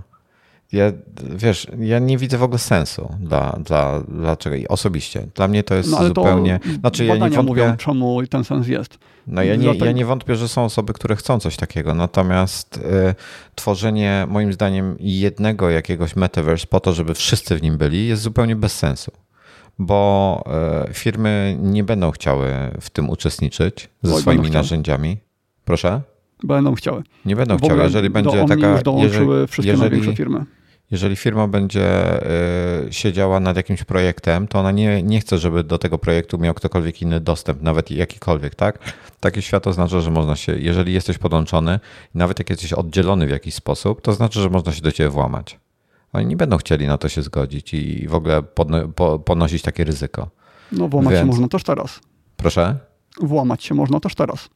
Tak, ale jeżeli na przykład w jakiejś fabryce samochodów designerzy mają swoje narzędzia i swój e, pokój, czy tam pokoje, gdzie pracują nad swoimi projektami, to te rzeczy nie są dostępne w internecie. Te rzeczy spoczywają na e, komputerach e, w tej firmie. Tak, można się włamać do tej firmy, potem się dostać po sieci do tego komputera konkretnego i tak dalej. Ale jeżeli oni będą mieli wirtualne jakieś studio, do którego można się wbić z zewnątrz, to jest jednak trochę inny poziom. E, więc e, i, i dużo trudniej coś takiego zabezpieczyć. Także wiesz, ja zupełnie nie, nie widzę tego, żeby to miało rację bytu. No ale ludzie pracują już w tej chwili w taki sposób, że jest duży projekt, to wszystko jest na jakimś serwerze i no. różni pracownicy łączą się z tym serwerem i pracują na plikach. Więc nie, w, przy, w, w przypadku poważnych e, projektów e, jest zakaz trzymania czegokolwiek w chmurze i to ci mogę powiedzieć z pierwszej ręki. Jest zakaz. Nie wolno trzymać e, rzeczy w chmurze. W najgorszym wypadku jest zrobiony serwer wymiany, który ma specyficzne protokoły. Na nim się nie pracuje, tylko na niego to jest jako taki Dropbox, czyli tam wrzucasz plik, żeby ktoś inny mógł go pobrać. Jest to szyfrowane itp. itd. i to musi przejść wszelkie E, testy bezpieczeństwa i tak dalej, i tak dalej. Więc to nie takie proste. To e, wiesz, wszystko no, zależy od, od projektu tego i od skali. od bezpieczeństwa, żeby, żeby to rozgryźli. E, ale no, narzędzia powstają, rozwija się to w tej chwili bardzo, bardzo szybko. Grzegorz pisze, że przecież w zeszłym roku Facebook zaprezentował wirtualny świat i konferencję i jak poszło, czy ktoś używał. Oni wtedy zaprezentowali mm, taki swojego interno, swoją wersję VR chata, czyli takie miejsce spotkań, gdzie można sobie tworzyć własne światy właśnie, ale takie w, w, w gramach tej jednej aplikacji. Y, no i to jest cały czas w becie. Zmienili nazwę na Horizon Worlds, z tego co pamiętam. I słabo im to wyszło, to znaczy nie używałem tego sam, natomiast y, ci, co używali, tam nikt tym nie był zachwycony, natomiast zrobili też y, Workrooms, taką aplikację do pracy zdalnej, gdzie jest biuro i spotyka się kilka osób, no i pracuje w ten sposób. To działa dużo, dużo lepiej. To działa w VR-ze i bardzo fajnie wymyślili, jak współdzielić tą przestrzeń wirtualną z rzeczywistą, czyli takie mixed reality wyznaczasz sobie, gdzie masz biurko, spoglądasz na nie i widzisz to wszystko, co na tym biurku jest. Widzisz klawiaturę, myszkę, wszystko. Spoglądasz wyżej, widzisz wirtualny świat, widzisz monitory, widzisz swoich współpracowników. Czyli masz taki portal do rzeczywistego świata. Chciałbym tylko przerwać na moment, że Tomasz H. zwraca uwagę na to, że mamy już VR w Polsce i można go odbierać na, na tym, e, na naszym telewizorze. No, do, no, dobra, nie, nie będę mówił. Kto wie, ten nie, wie. Nie, o, o polityce nie, nie mówmy tutaj. No. O, właśnie. E, tak, tak mi się skojarzyło jeszcze. E, czekaj, jak to się nazywało? Od, odnośnie... Grzegorz się cię pyta, po co ma widzieć e, biuro, jak ma je przed sobą? No, nie widzi go, bo jest w wirtualnym świecie więc w wirtualnym świecie nie ma swojej myszki, nie ma butli z wodą, nie ma nic takiego, to ma w rzeczywistym świecie. No i w momencie, kiedy chcę sięgnąć po tą szklankę czy po cokolwiek, no, no to widzę to, bo biurko widzę z rzeczywistego świata, a resztę widzę z, wirtu z wirtualnego świata. Ale, ale po co on ma... E po co on ma wirtualnie widzieć to biurko, jeżeli on je ma przed sobą i może nie mieć tego wirtualnego świata i, te, i tak będzie widział to swoje biuro? Chyba no, bo to, to jest do pracy zespołowej. Bo to jest do pracy zespołowej, czyli masz tam też swoich współpracowników, którzy siedzą naprzeciwko ciebie gdzieś obok. No i Dobra. pracujecie, macie konferencje albo swoje komputery. Ja tak jestem. Hmm. Dobra. Jeszcze co do polityki, znaczy nie co do no. polityki, ale tak mi się skojarzyło. Yy, GPT-3. Słyszałeś o czymś takim? To jest projekt e, OpenAI. Jak, jak, jak? Yy, GPT-3. Nie. GPT-3. Y, nie miałem pojęcia, jak daleko zaszła sztuczna inteligencja. To jest projekt, który mm, Microsoft tam w to strasznie dużo kasy wpakował, hmm. ale widziałem jakieś wywiady z tą sztuczną inteligencją, z tą sztuczną inteligencją widziałem, co ona potrafi zrobić. Na przykład mówisz y, jej, że chciałbyś zobaczyć aplikację, która na dole będzie miała okno czatu, tutaj menu takie, takie, takie, tutaj coś jeszcze. No i po chwili masz projekt tej aplikacji. Jak sobie z nią rozmawiasz, tym AI, no to prowadzi dyskusje takie, że jakbym nie wiedział, że to jest AI, to myślę, że bym się nie zorientował. Ona jest wyszkolona na Wikipedii, na zasobach z internetu, rozumie kontekst wypowiedzi, na przykład y, jak y, kazano jej się nauczyć recenzji Amazonu, żeby czytała recenzję na Amazonie, no to y, zrobiono to po to, żeby to AI też mogło pisać takie recenzje. No ale później się okazało, że ono też rozkminia, która recenzja jest pozytywna, która negatywna, od czego to zależy, jak to się wszystko zmienia. To AI samo się nauczyło języka angielskiego najpierw, żeby to wszystko rozumieć. I to. Mm, y, moment, kurczę, bo tutaj mm, mam te, gdzieś te, linka. Te wszystkie rzeczy, o których ty mówisz, być może są ludzie gdzieś na świecie, którzy rzeczywiście mają taką potrzebę lub to wykorzystają, natomiast to, to, to nie, jeszcze nie wymieniłeś ani jednej rzeczy, która by mnie w jakimkolwiek stopniu zainteresowała. Okej, okay. no pomoc w pracy. Pomoc w pracy i wykorzystanie tego później w tym całym e, metaversie. No bo teraz, nie wiem, mamy jakąś Siri czy jakichś takich asystentów głosowych. W, wirtua w wirtualnym świecie będą oni mogli mieć postać fizyczną, tylko no. że Siri jest głupia jak but, więc y, da, chyba też dlatego byłem w takim szoku, jak inteligentne jest to y, G, GPT-3, czy jak to się nazywa, y, bo to wyprzedza Siri o, no nie wiem, powiedziałbym, że z 20 lat dobre. Y, w sensie, y, może ten asystent od Google'a jest jakąś delikatną namiastką tego GPT-3, ale to taką naprawdę delikatną namiastką. No nie wiem, ja będę analizował ten temat, sprawdzę do czego się to jeszcze da wykorzystać. No. Na przykład widziałem, że no teraz jak chcesz zrobić coś w Excelu, no to musisz znać te formuły, które to wszystko robią. Temu GPT-3 możesz powiedzieć, jaki efekt chcesz osiągnąć, i on ci to e, zrobi. E, widziałem też wywiady, gdzie e, sztuczna inteligencja jedna rozmawiała z drugą, w sensie te GPT-3 rozmawiały między sobą. No i znowu, to, mm, to akurat było widać, że to nie są prawdziwi ludzie, ale te wypowiedzi miały dużo sensu.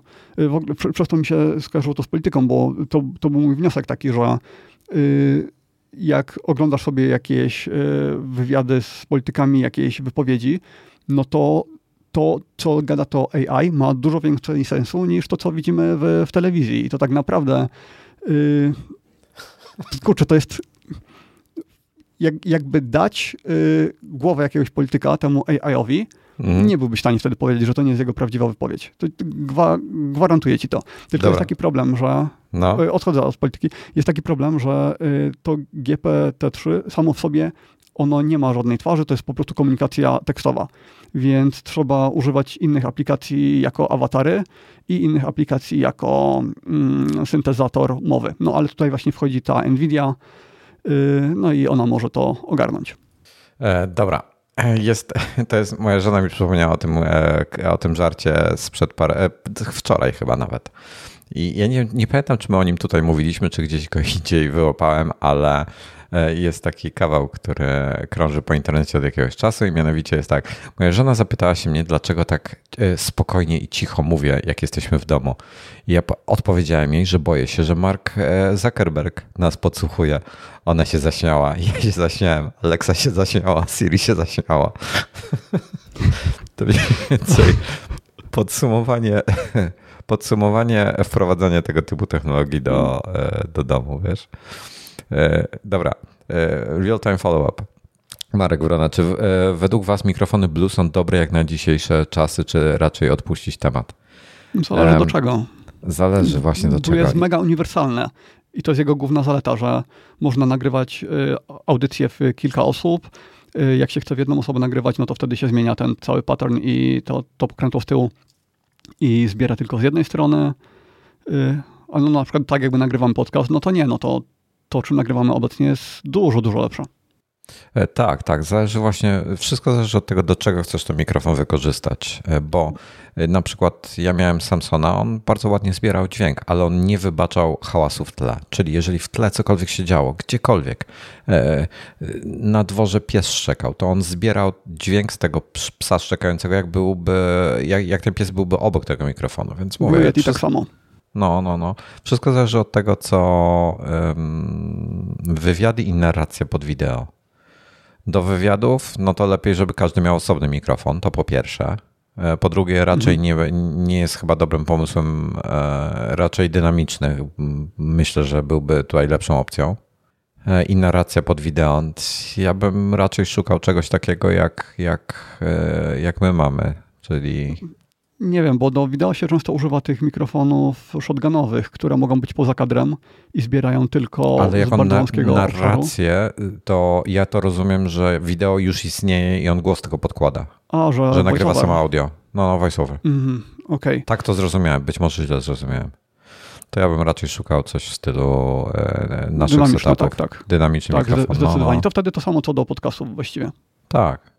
Czyli dobry audio interfejs jakiś, żeby, żeby trochę mocy było. W ogóle e, w, e, o Jezu, Scarlet, e, Focusrite wydało nową serię w tej chwili klaretów. Bardzo mnie tak kusi, czy, czy nie, nie przetestować. Czekaj, nie. Focusrite wydał nową serię klaretów. To... E, ja, ma, ja mam Focusrite Scarlett 8.6, ten A, mój audio interfejs. Okej, okej, okej. Okay. Focusrite to jest firma, Scarlett to jest model i Scarlett to są takie bardziej mainstreamowe, e, a potem jest taka bardziej profesjonalna linia, która się Claret nazywa. I Claret... E, E, Claret, now, nową serię. Oni nie pamiętam, jak się teraz nazywają 2 Pro chyba, czy coś takiego. Także tak mnie ciekawi, bo oni mają jeszcze lepsze e, wzmacniacze tam przede wszystkim. Mniej szumią i tak sporo mniej szumią z tego, co widziałem i większą moc mają, więc tak jak w tej chwili lecę na 90%, żeby ten mikrofon napędzić. E, a w sumie nie mam problemów z szumami, ale wiesz, tak fajnie byłoby móc na 70% lecieć. No. Nie, nie, nie myśl o tym. Nie zostań przy tym, co masz. Nie potrzebujesz e, tego. No, tu jeszcze z czatu pytanie, że ty, czy Tomku, ty nagrywałeś w pierwszym odcinku Blue Yeti? Tak. Okej. Okay. Tak, e... bo zamówiłem w Stanach i nie doszedł na czas. No, czy jakoś tak. No. A i właśnie o, widzę, że odpowiedziałeś, że nie SM7, a MV7. No, ja używam podmajka, jestem z niego bardzo zadowolony. Ech, fajnie by było, gdyby była wersja USB jeszcze, gdybym miał interfejs USB, ale z drugiej strony to byłoby słabe, bo, e, bo no koszt byłby też zupełnie inny wtedy. E, jest wtedy koszt zupełnie inny. Poza tym często te mikrofony, e, co mają, wiesz, bo to trzeba w, w tym momencie wzmacniacz mieć jakiś odpowiedni w środku. Zazwyczaj one są gorszej jakości niż to, co jest w audio interfejsie i tak dalej, i tak dalej. Mr. Cloud Dancer mówi, że Shure ESM7B najbardziej uniwersalny mikrofon i dobrze brzmiący na świecie. Tak, ale on myślał, że ja go używam, a i a. tam już jest wytłumaczenie, że nie. To jest, są lepsze mikrofony od SM7B. E, są lepsze no, mikrofony ten od ukochany Electro Voice. Ten taki, jak, jak on się nazywał? Electro Voice, jaki to był model? Tylko to jest, e, nie pamiętam, RE coś tam. 20? Nie wiem, bo no, były dwa modele. RE020 czy coś w tym stylu, tak się nazywało, albo 040, już nie pamiętam. Z mikrofonami to jest tak, że za 500 zł kupujesz bardzo dobry mikrofon, potem za 1000 zł kupujesz mikrofon, który jest o 5% lepszy, albo nawet mniej, albo ma USB na przykład, więc płacisz za to USB. Potem za 3000 zł e, kupujesz mikrofon, który jest o kolejne 3% lepszy. Potem za 10 tysięcy zł jest kolejne 2% lepszy. I to już jest taka skala. Y, jest bardzo mała różnica między nimi potem już na tych wyższych. I, I musi ktoś się znać na to znaczy inaczej, jak ktoś się na tym zna i wie, co słyszy i wie, co, czego szuka w dźwięku, to zauważy te różnice. Natomiast mówię tutaj o szarym użytkowniku, który nie będzie widział różnicy dużej. No, ja tak z perspektywy czasu, bo od ilu nagrywamy na tym sprzęcie? Od 8 miesięcy, nie pamiętam, kiedy zaczęliśmy. Du, du, już 30, 38 odcinek Pirat z drzwi, no. No, to ja nie widzę w ogóle potrzeby wymiany mikrofonu. To znaczy, gdybym trochę się bardziej skupił na tym, jak mówię, yy, na, albo ewentualnie na jakichś ustawieniach equalizerze, to dałoby mi to pewnie lepsze rezultaty, niż jakbym nic nie zmieniał w tym sposobie wypowiedzi, tylko bym zmienił mikrofon na kilka razy droższy. No bo tam już są różnice takie, że nikt by tego nie usłyszał. Tym bardziej jak ty tam jeszcze level, to robisz levelatorem, jakimiś tam innymi rzeczami. E, Tomasz mówi, że e, Tomka Mike to cena dwa razy e, mój i chyba jest 400 zł różnicy. Jakieś 600 kontra 1000 u nas w Polsce. Nie wiem jak u Mm. ciebie. 1300 chyba w Polsce. Chociaż nie wiem, no, Ja, ja miałem, ja wtedy jak rozważałem jego kupno, to on był po niecałe 1100 chyba. mhm. no możliwe. Ja za niego dałem jakoś tak 1200-1300 na Amazonie. No, Tylko, że no on kosztuje między innymi dlatego więcej, bo on ma wbudowane to USB i ma wbudowane USB, które nie brzmi gorzej niż i ten XLR, co jest dość rzadkie w mikrofonach. Zazwyczaj jak się chce mieć dobrą jakość, no to nawet jeśli jest USB, to i tak trzeba użyć XLR-a. tak. E, Ja mam e, Rode PodMic, e, czyli jest to tylko analogowy mikrofon, dlatego nie ma USB, tutaj jest e, kabelek, który sobie idzie i on idzie do interfejsu audio. Interfejs audio napędza ten mikrofon i interfejs audio, więc jakby to, co, to, co e, u Tomka siedzi w mikrofonie, to u mnie siedzi na biurku. W Mhm. dużym skrócie. No i jeszcze dopowiem co do tego MV7, że jakby ktoś No. rozważał zakup tego mikrofonu, to w nim koniecznie trzeba wymienić gąbkę, ten pop filtr, no gąbkę, y, na tą, która jest w SM7. SM7, jak, jak się nazywa ta wersja taka SV, SM? SM7B. O tak, tak. Y, Bo ta fabryczna jest dużo, dużo krótsza i dużo, dużo cieńsza i przez to ona bardzo przepuszcza i te wszystkie wybuchowe głoski słychać bardzo mocno, szczególnie jak ktoś mówi tak jak ja. A ta wersja z SM7B działa praktycznie tak jak pop filtr, taki zewnętrzny. No więc tak, jeśli chodzi o mikrofony, jest jeszcze, jest jeszcze kupa innych dobrych mikrofonów. Oprócz my się zdecydowaliśmy na takie, a nie inne z, z różnych powodów. Jest mnóstwo innych dobrych mikrofonów w, w tym przedziale cenowym. Naprawdę jest, jest czym wybierać, e, bo są.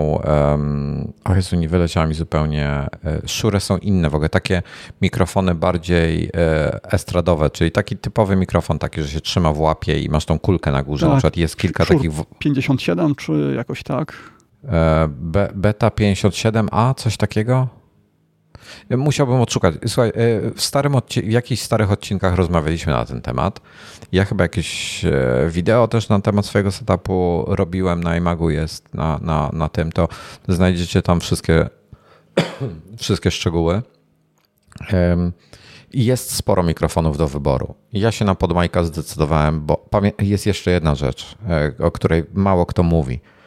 E, Mikro, każdy głos jest inny i ten mikrofon na przykład może reagować dobrze na mój głos, a źle na Tomka przykładowo. Czyli gdyby Tomek go używał, to by brzmiał bardzo źle. E, A jak ja go używam, to brzmi bardzo dobrze. Przykładowo, albo odwrotnie. Więc y, to, to są też kwestie, że mikrofon też do swojego głosu powinno się dobierać y, itp. itd. Tych mikrofonów jest naprawdę sporo, jest kupę dobrych mikrofonów. Y, Wiele osób bierze, kupuje mikrofon na podstawie jego wyglądu, co jest, no, ro- rozumiem to. No, mi się akurat na przykład PodMic bardzo podoba wizualnie i nie, nie była to duża, mm, y, nie, nie miało to dużej wagi, jak, jak wybierałem ten mikrofon. Chciałem po prostu mikrofon, który będzie dobrze brzmiał i który będzie odpowiadał moim e, wymaganiom. I PodMic taki jest. E, Także, mm, no mówię, no jest mnóstwo e, e, zmiennych i trzeba to wszystko wziąć pod uwagę. I zależnie od potrzeb. Słychać w ogóle ten? Kosia, bo chyba kosiarkę ktoś uruchomił pod oknem mi. Coś słychać. I... Ale to tylko jak zamilkłeś i tak przez chwilę No. nic nie, innego nie było, to wtedy tak. Dobra, zobaczymy, czy, czy przejdzie. Przepraszam z góry, nie- jeżeli będzie słychać nierównomierny głos, kosiarkę. takie trochę głośniej i później spadek i znowu trochę głośniej i znowu spadek. No, no właśnie mam ten, mam, ktoś właśnie odpalił kosiarkę pod oknem, także także tyle, więc y, nie, nie jest, no mówię, ważniejszy myślę od mikrofonu, jeżeli ktoś ma mikrofon analogowy taki na XLR-a, to ważniejszy będzie y, od samego mikrofonu, y, będzie to jaki y, wzmacniacz, tam audio interfejs do tego się kupi, bo co z tego, że kupisz sobie podmajka na przykład z jakimś słabym interfejsem, który nie będzie w stanie go napędzić.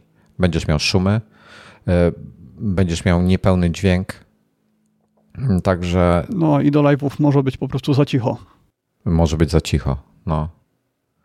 E, więc ja na przykład wybrałem i miałem e, dwa Scarlety, miałem, miałem 2.2 i 8.6. 2.2 jest prostszym interfejsem, jest, ma jedną ogromną zaletę. Napędzany jest USB, a nie, nie, nie wymaga zewnętrznego zasilacza do ściany. No jest taki e, fajny, mobilny dość. Bardzo malutki. mobilny, tak, tak, tak. Bardzo fajny interfejs i miałem go przez jakiś czas u siebie i one mają na papierze, one mają takie same parametry, te dwa jeśli chodzi o wzmacniacze. E, w praktyce, jak się okazuje, mają różne. 8 e, znaczy, i 6. Ja, ja, pamiętam, że tam wtedy grzebałem gdzieś tej e, specyfikacji. Jak gdzieś tam do szczegółów się dogrzebiasz, to jest różnica w tabelce. Ale, tak, ale bardzo ciężko się dogrzebać. Ja na przykład, ja mam ustawionego go gdzieś pi razy G na 90% tego, a tamtego musiałem mieć ustawionego tak pod 97-8%. Mhm, ja Czyli tutaj w ogóle, szumy wtedy pewnie wchodzą, tak? Już były ciut większe szumy. To znaczy pewnie użytkownik, wiesz, pamiętaj, my, my nagrywamy, wiesz, w 16 bitach, mm. wiesz, w dobrej jakości i tak dalej. Ja potem odsłuchuję te 16 bitów, ale ja wypuszczam MP3 128, no, tak, która tak, tak. bardzo wiele z tego wszystkiego kompresuje. Więc to jest trochę tak, jakbyś, jak, jak wiesz, jak, jak jeździć Ferrari, ale mieć opony dębicy zamontowane na nim ograniczone do 140 km na godzinę, czyli mamy, nagrywamy na sprzęcie super, ale to jest istotne o tyle, że potem ten materiał jest z czego kompresować e, i mniejsze, mniejszy syf się tworzy.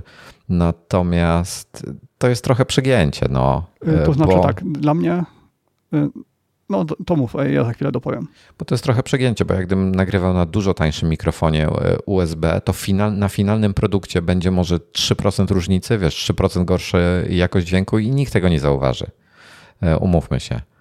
Natomiast no, można w pewnym momencie przegiąć, można już na tak słabym mikrofonie nagrywać, że, że będzie to słyszalne w MP3 i to będzie wtedy źle. No, ja odcinek 290, y, chyba 8, 7, jakoś tak, ten o Hackintoshu nagrywałem na Blue Yeti i jakość była super. Tylko, że miałem obłożone wtedy wszystko poduszkami, kołdrami, y, monitor zasłonięty jakimś tam panelem odbijającym, y, wy, wy, wytłumiającym.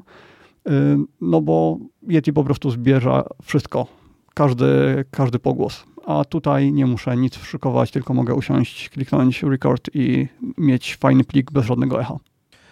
Marek się pyta, jak jest podpięty ten podmic, jak ścieżka wygląda. To wygląda w ten sposób. To jest analogowy mikrofon, który idzie tym kablem XLR-owym, gdzie trzeba się pilnować, żeby on gdzieś też nie przypadkiem e, nie był obok jakichś kabli prądowych na przykład, żeby nic nie, nie, nie powinno, ale zdarza się sytuacja, że gdzieś tam coś będzie, jakieś, jakieś, jakieś zniekształcenia wprowadzało coś innego.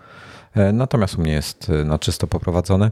To wchodzi do Focusrite'a, który jest interfejsem audio, który jest po USB podpięty do komputera i komputer, Mac lub Windows, widzi go jako, w, tak w skrócie, jako kartę muzyczną, czy głośniki, czy cokolwiek, czy po prostu źródło interfejsu. Czyli jak na przykład masz jakieś głośniki na USB, które mają wejście mikrofonowe, to podobnie się pojawiają, podobnie system operacyjny je widzi jak tak, taki interfejs audio, po prostu jako kartę muzyczną, tak w, w skrócie, upraszczając to bardzo mocno.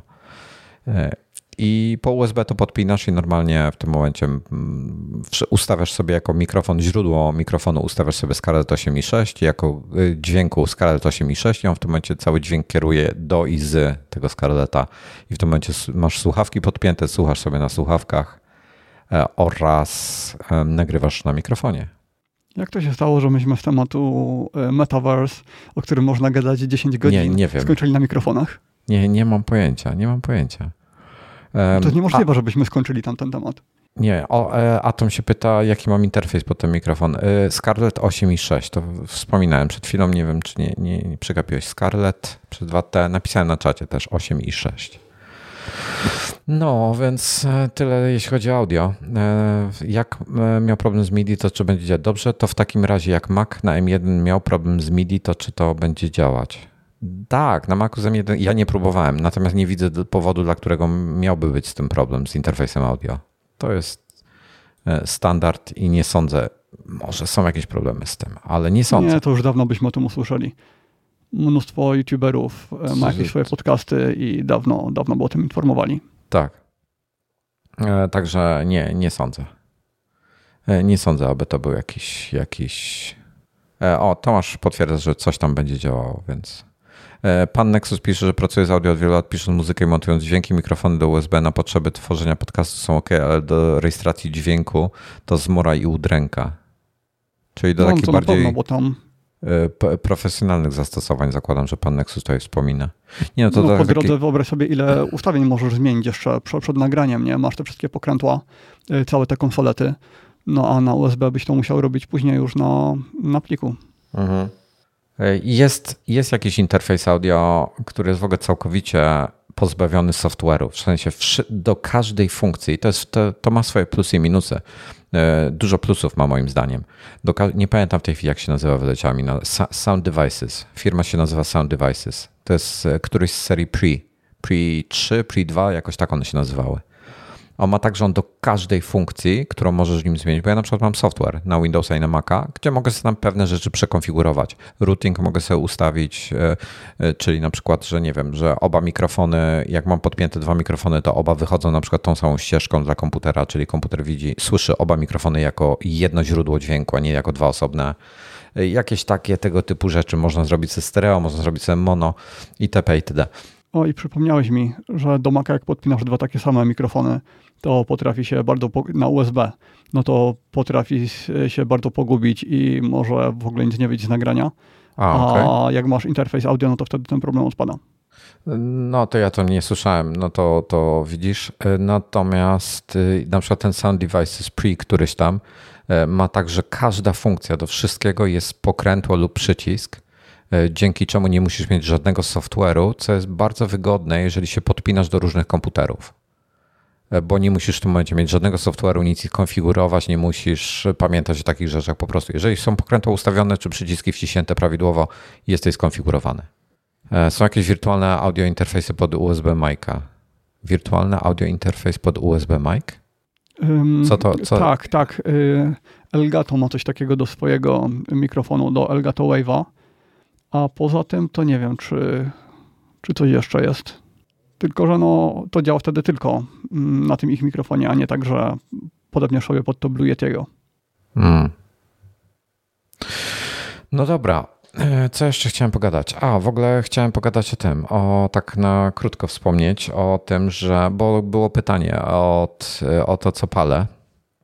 E, od jakiegoś, bo ja tak w ogóle paliłem bardzo długo papierosy, takie tradycyjne, analogowe. Potem się przerzuciłem połowicznie na Ikosa, tego taki, co jest e, z tytoniem niby. E, I to przez jakiś. I na zmianę, jedno i drugie. W sensie taki e-papieros z domieszką tytoniu, tak? Taki e-papieros z domieszką tytoniu, no coś w tym stylu. I to było fajne przez jakiś czas. I potem przerzuciłem się całkowicie na Ikosa i mi było bardzo źle i potem się wspomagałem e, pół na pół, wspomagałem się właśnie wejpowaniem, czyli e, jakimiś różnymi tego typu urządzeniami. W końcu poszedłem do sklepu i kupiłem porządne. Mogę w sumie pokazać. Wojtek sięga poza kadr. Tak, bo, ma, bo mam tego. To ja to. Tak, bo IKOS nie spala, tylko podgrzewa tytoń. Taka jest różnica. Jak kupiłem sobie coś takiego, nie wiem, czy złapie ostrość. O. Wygląda jak mała rękość ze miecza świetlnego. Tak, brązowa. Jest, jest, y, ma ekran, tam parametry A z drugiej dalej. strony jak odtwarzacz MP3. Winamp. E, I ma, i, to na przykład ten, ten ustnik tutaj z e, płynem, z liquidem tak zwanym, on jest e, magnetycznie wpinany do środka, do, do, do, do tej, ta, ta dolna część to się nazywa mod. No, nauczyłem się MOD, mod. E, I na górze masz e, grzałkę z ustnikiem, to samo możesz zmieniać, to jest magnetycznie doczepiane i tam jest wymienna bateria w tym i to jest fajne, tylko to jest bardzo nieporęczne, bo widziałeś, to jest dosyć duże i kupiłem sobie coś takiego jeszcze. Wojtek e... pokazuje coś, co wygląda jak zapalniczka. No, trochę jak zapalniczka, prawda? I to na górze, ta część przezroczysta z czarnym, to jest ustnik z pojemnikiem na płyn i tam jest grzałka w środku i to jest zintegrowane. To jest jeden element. Jeżeli to ci się popsuje, to wyrzucasz i kupujesz nowy. Po prostu tam, nie wiem, 15 zł kosztuje czy coś. Ten ustnik z grzałką. Po prostu kupujesz ten nowy. I to jest dużo wygodniejsze w, wiesz, w podróży, czyli do kieszeni wkładasz sobie i tam to zajmuje bardzo dużo miejsca, więc jest niewygodne jak się wychodzi poza, poza dom. Natomiast i to było mi na maksa niewygodnie, E, więc bo do kieszeni to się niewygodnie wkłada, a to jest wygodniejsze. I, i w tej chwili mi kosy w ogóle przestały pasować. Mam jeszcze jakiś tam zapas tych e, ikosów, e, ale tak sobie po kilka dziennie tam korzystam z nich. A tak to używam to, więc w zasadzie już chyba od przeszło dwóch tygodni nie, nie dotknąłem takiego zwykłego papierosa. I z tego, co mówiłeś na live tym charytatywnym, to cel jest taki, żeby docelowo zmniejszać dawki jak najbardziej, tak? Tak, tak, tak. W tej chwili likwidy mają różne, e, różną ilość nikotyny w sobie, więc docelowo będę zmniejszał po prostu. Teraz e, osiemnastkę mam, potem się przerzucę na dwunastkę na pewnie parę tygodni albo miesięcy, potem się przerzucę na ósemkę, potem na jakąś tam czwórkę, czy tam nie pamiętam jakie są te wartości. No coraz słabsze, aż potem nie, nie będę miał potrzeby, mam nadzieję, więc zobaczymy. Nie śpieszy mi się. Jestem jak ten Irlandczyk, który e, postanowił odejść od. Nie wiem, czy czytałeś o tym. Nie Irlandczyk, wiem, który postanowił przestać pić alkohol. Ma 76 lat i rozpisał sobie 50-letni e, plan na. E, okay. Znaczy, i, i w wieku 100, y, już doszedł do, ten, ten plan przewiduje, że w wieku 101 lat zredukuje swoją konsumpcję alkoholu o połowę, a do tego czasu, żeby y, pomóc mu w y, etapie przejściowym, ten transition period, kupił sobie specjalną lodówkę tylko na piwo, żeby, żeby miał w ogóle, wiesz, no. To ja dopowiem, że obecnie średnia długość życia mężczyzn to jest 71 albo 73 lata. No, ja nie, ja nie dożyję tylu. Już, już to wiesz. Tak, nie ma opcji takiej. Um, pytanie, o dobra, wracamy do tematów um, iPadowych. E, pytanie odnośnie iPada Pro 11 cali trzeciej generacji. O kurde, nawet nie wiem, który to jest. To jest ten przed moim, przed M1.1, ten co miałem kiedyś? To moja żona ma takiego. Nie, nie leci w oczach. Przynajmniej może bym powiedziała, gdyby leciał w oczach. tak. Hmm. Jeżeli ktoś ma problemy, ja powiem taki trik, jak zastosować. Jeżeli ktoś ma problemy z tym, że bateria gdzieś wciąga, to jest prawdopodobnie jakiś memory leak albo jakaś aplikacja w tle z jakiegoś powodu właśnie ma jakiś memory leak i nie jest prawidłowo um, zamrożona lub zamknięta. Ale to w tych opcjach baterii byłoby widać, czy iPad tego nie ma, tylko iPhone? Jest teoretycznie, ale teraz jest ten nowy taki interfejs na podglądanie i trudniej jest to zauważalne. Nie jest to tak zauważalne, jak było kiedyś. E, trzeba wiedzieć na co patrzeć. Więc moja sugestia jest taka, wziąć, otworzyć sobie ten switcher multitaskingowy, czyli że te wszystkie małe okienka się pojawiają. E, gestem do góry to się robi. Tam gest do góry się przytrzymuje chyba, tak? Wtedy się pojawia jakoś tak, od, od dołu mhm. ekranu. Um, i robisz w ten sposób, że zabijasz wszystkie aplikacje, czyli e, gestem wyrzucasz je poza ekran. Wszystkie, które masz, wywalasz to w cholerę. klawiaturowy do tego, że tam power i coś tam jeszcze i. To nie znam takiego, jeżeli sekundach. taki jest. No, no. Wywalasz wszystkie aplikacje, bo ja miałem kiedyś taki problem na moim starym iPadzie chyba, albo na iPhone. Nie, na iPadzie miałem taki problem. Jakiś, jakaś aplikacja mi memory leakowała i e, mój sposób był taki, że tam jak, jak za, zaczynałem to zauważać, to, bo ona miała jakiś proces backgroundowy, który po prostu non-stop coś robił i nie był na tyle inwazyjny, że iOS go, za, bo iOS jeżeli coś zacznie, jeżeli coś zaczniesz robić za dużo, za dużo obciążać procesor czy, czy cokolwiek, to iOS wywala taką aplikację automatycznie w cholerę, zabija ją. Out, do widzenia. Właśnie po to, żeby chronić użytkownika. Natomiast czasami się pojawia jakaś taka aplikacja, która wydaje się, że zachowuje się normalnie, ale nie zachowuje się normalnie. W tle cały czas coś robi sobie, ale nie, nie obciąża na tyle bardzo, żeby coś popsuć. Natomiast nawet jak ekran jest wyłączony, ona sobie coś tam e, w tle przetwarza niby jako background task i iOS jej nie zabija, więc tak, zabić wszystko, bo nie wiesz co to jest, więc zabijasz wszystko i potem robisz e, twardy restart iOS-a, czyli tam się przytrzymuje volume up chyba i i power chyba, albo volume down i power, już nie pamiętam jaki jest skrót. I pojawi się ten y, suwak, żeby wyłączyć. Dalej trzymasz i jest gdzieś to opisane, w internecie znajdziesz. I trzymasz tak długo, aż się pojawi logo Apple na ekranie. On się wyłączy i pojawi się logo Apple. I powinno być już ok. Wtedy. Dopóki znowu ta aplikacja czegoś nie nabruści. Ja miałem tak spontanicznie, znaczy z, jako, nawet zlokalizowałem, która to jest aplikacja, bo ona gdzieś tam zaczęła mi się wybijać, mimo że ja jej nie używałem specjalnie, w sensie odpalałem ją typu raz na tydzień, to ona była cały czas w top używanych aplikacjach i, e, i potem ją tylko wywalałem i robiłem restart i było ok. E, I w końcu deweloperzy tam naprawili e, ją, żeby tego memory nie było. Ja miałem coś dziwnego zaraz jak wyszedł iOS 15 strony internetowe niektóre potrafiły mi pokazywać, że miały je otwarte na ekranie tam w tym screen time, mhm. na przykład 10 godzin.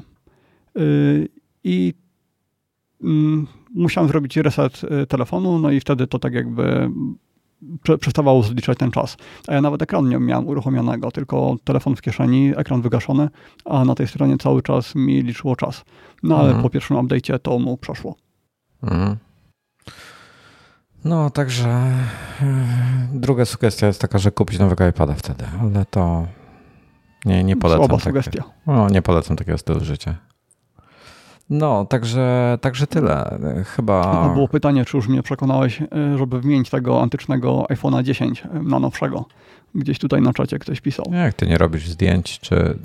Znaczy wiesz, no kurde, 120 Hz to jest wypas totalny. Ja już. No tak, ale czy 120 Hz mi coś zmieni, jeśli ten telefon jest cały dzień w kieszeni i służy jako ten e, licznik kroków? To mógłbyś mieć iPhone'a 6 w tym momencie, albo starszego nawet. Trochę myślałem, jak zrobić, żeby licznik kroków mieć na kostce zamiast, na zegar zamiast w zegarku albo w telefonie. Y, no ale nic nie wymyśliłem, bo chciałbym, żeby mi się to synchronizowało z Apple Health. No, to są jakieś tam rozwiązania. Musi być jakiegoś MyBanda no mieć albo jakiegoś innego. E, nie, są programy, które synchronizują e, te dane. E, możesz mieć na przykład, już nie pamiętam co, który się synchronizuje. E, ten od White Things, któryś, a tam jest zegarek w tej chwili. E, kto a, ma wiem, jeszcze? Wiem czemu nie. Już wiem o co chodzi. No. Że jak będę miał Mi Banda albo cokolwiek, to w tej aplikacji fitnessu nie będzie tego rejestrować więc y, te wszystkie moje statystyki będą przekłamane, jakbym... Tam, tylko kroki, jak on tylko kroki rejestruje. Czyli masz na myśli, że sobie uruchamiasz na Apple Watchu, uruchamiasz sobie jakiś ten, jakiś na przykład, nie wiem, spacer albo bieg, albo coś takiego, tak? Mm, też, ale nawet jeśli tylko kroki rejestruję, no to wtedy musiałbym go ustawić jako te podstawowe narzędzie mm, do rejestracji kroków. W, to, to, o czym mówiliśmy w odcinku o bieżni, że mhm. dopóki nie jest jako podstawowe, jako pierwsze na liście, no to będzie źle liczyło. Yy, kurczę, analizowałem to i pamiętam, że miałem jakiś taki argument, że odpadało to całkowicie, ale nie umiem sobie przypomnieć, o co chodziło. Garmin, Garmin ma takie, nie wiem co w tej chwili ma w ofercie, bo już dawno się nie interesowałem. Garmin miał takie opaski z takim ekranem e, w stylu MyBanda, wiesz, w tym klimacie. Mhm. E, I to się integ- oni mieli swoją aplikację, i, ale to się zintegrowało z e, Apple Health, z tego co pamiętam. No to muszę o tym doczytać. I bardzo bym chciał, żeby mm, to do, w miarę dobrze analizowało spalone kalorie. Mm, nie ma. Podobno z tym jest bardzo duży problem. Jest, nie, nie ma żadnego urządzenia które, konsumenckiego, które by sensownie to robiło. Mm. To nawet nie warto w tej chwili w ogóle szukać lepszego rozwiązania. No tak, ale zawsze niektóre będzie mają tak. rozrzut tam 90%, y, inne 30%. Apple Watch mi strasznie świruje. Czasami podczas y, godzinnego spaceru potrafi mi naliczyć 350 kalorii spalonych, y, idąc 4 km na godzinę, a czasami 200 kalorii, czyli tak bardziej realnie.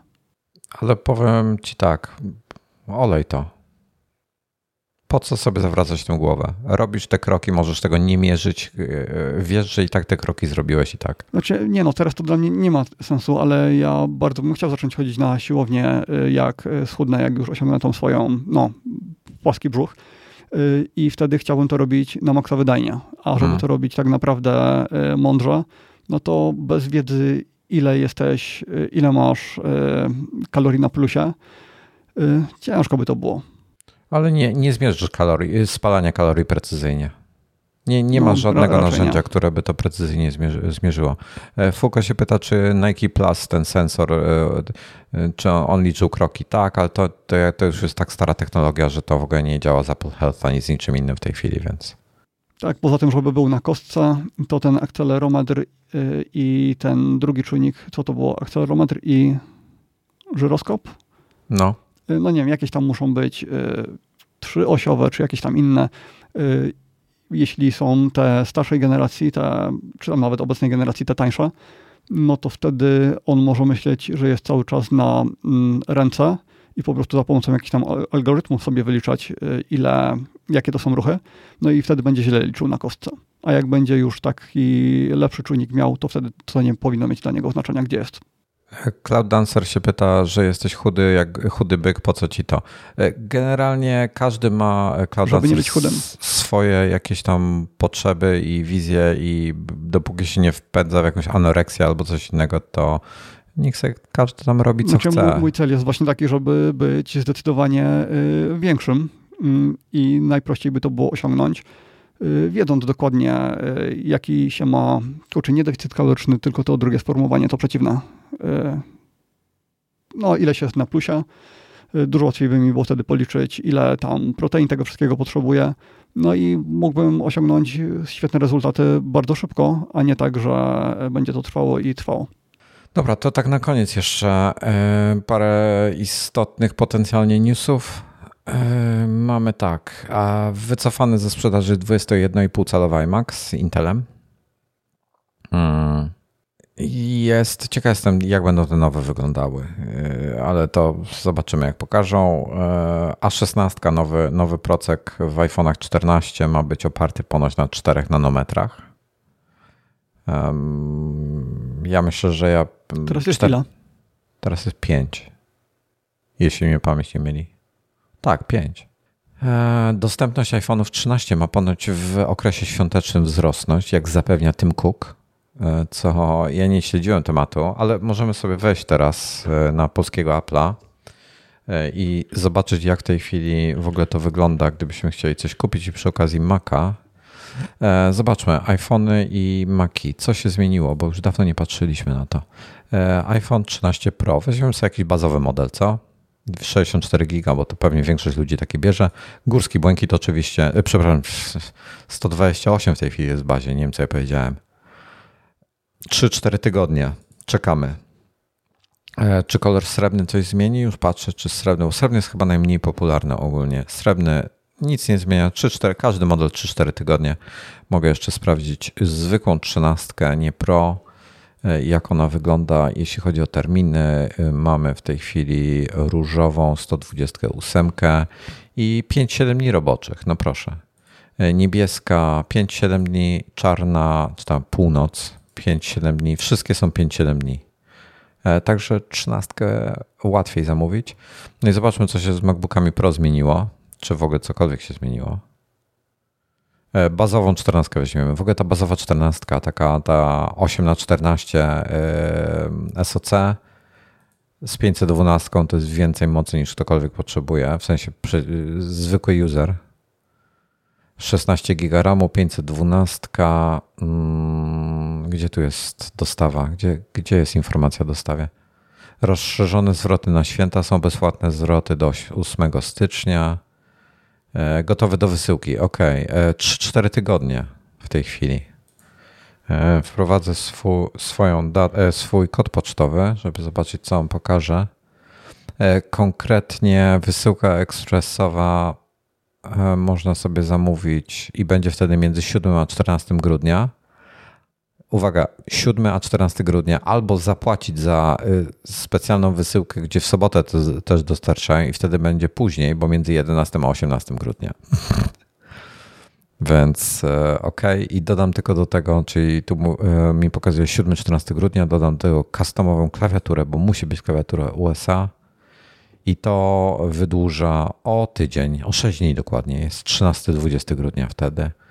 Czy rozszerzenie SSD coś zmienia? Nic. RAM? Nic. Procesor? Nic. Więc wszystko idzie w tej chwili już z fabryki, podejrzewam prosto. niezależnie którą wersję. Nie, nie, nie ma żadnych ograniczeń względem konfiguracji. Czy jak CTO sobie zamawiasz, to mogę 8 e teraz spróbować jeszcze dodać.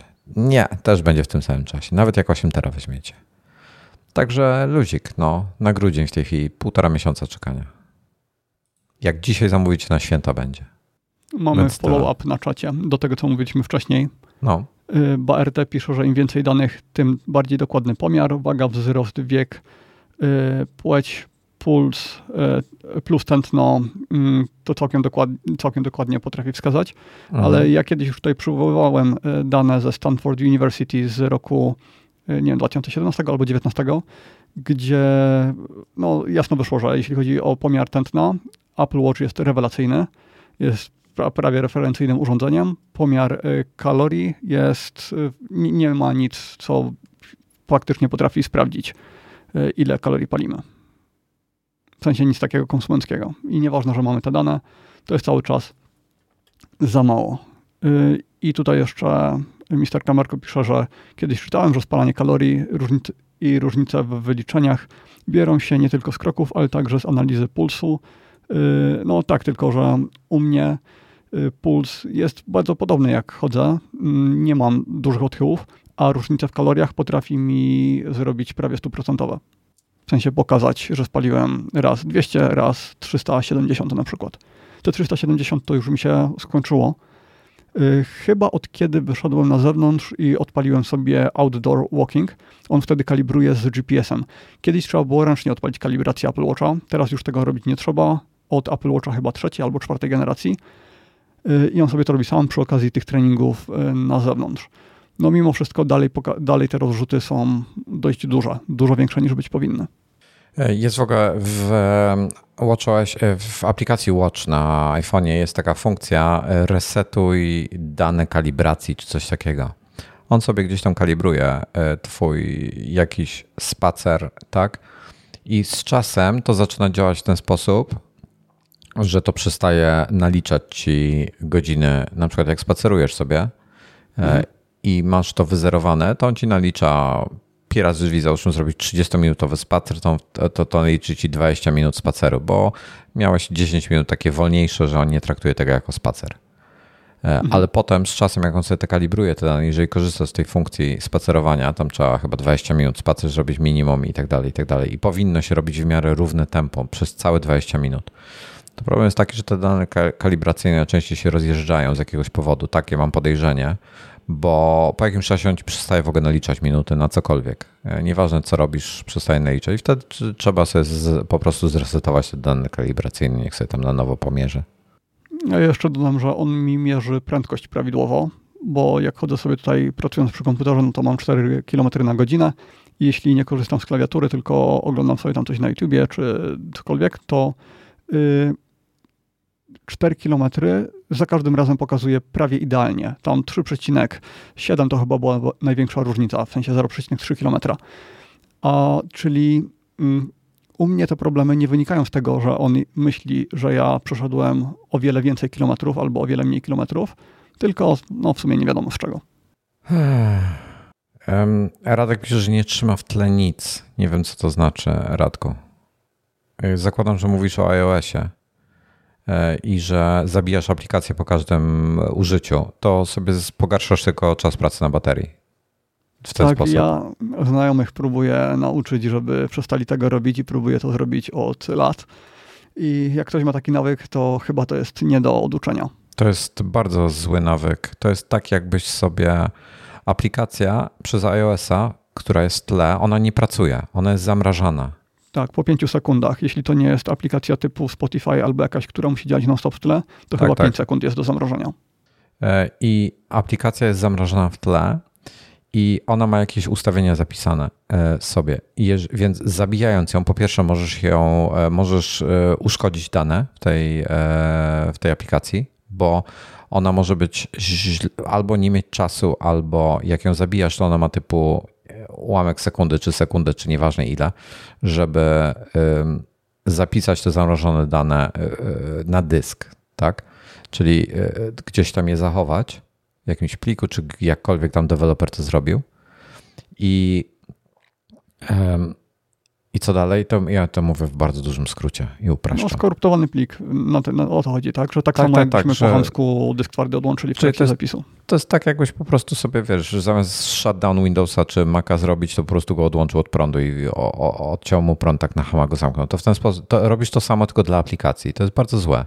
No i finalnie I, pobór prądu będzie większy, bo... I, I zużywasz więcej prądu, bo ona potem zamiast odmrozić się i być gotowa do pracy, to ona musi całkowicie się na nowo uruchomić. Więc nie zabijajcie aplikacji. Są sytuacje, gdzie rzeczywiście to ma jakiś sens, e, natomiast na co dzień nie powinno się tego w ogóle robić.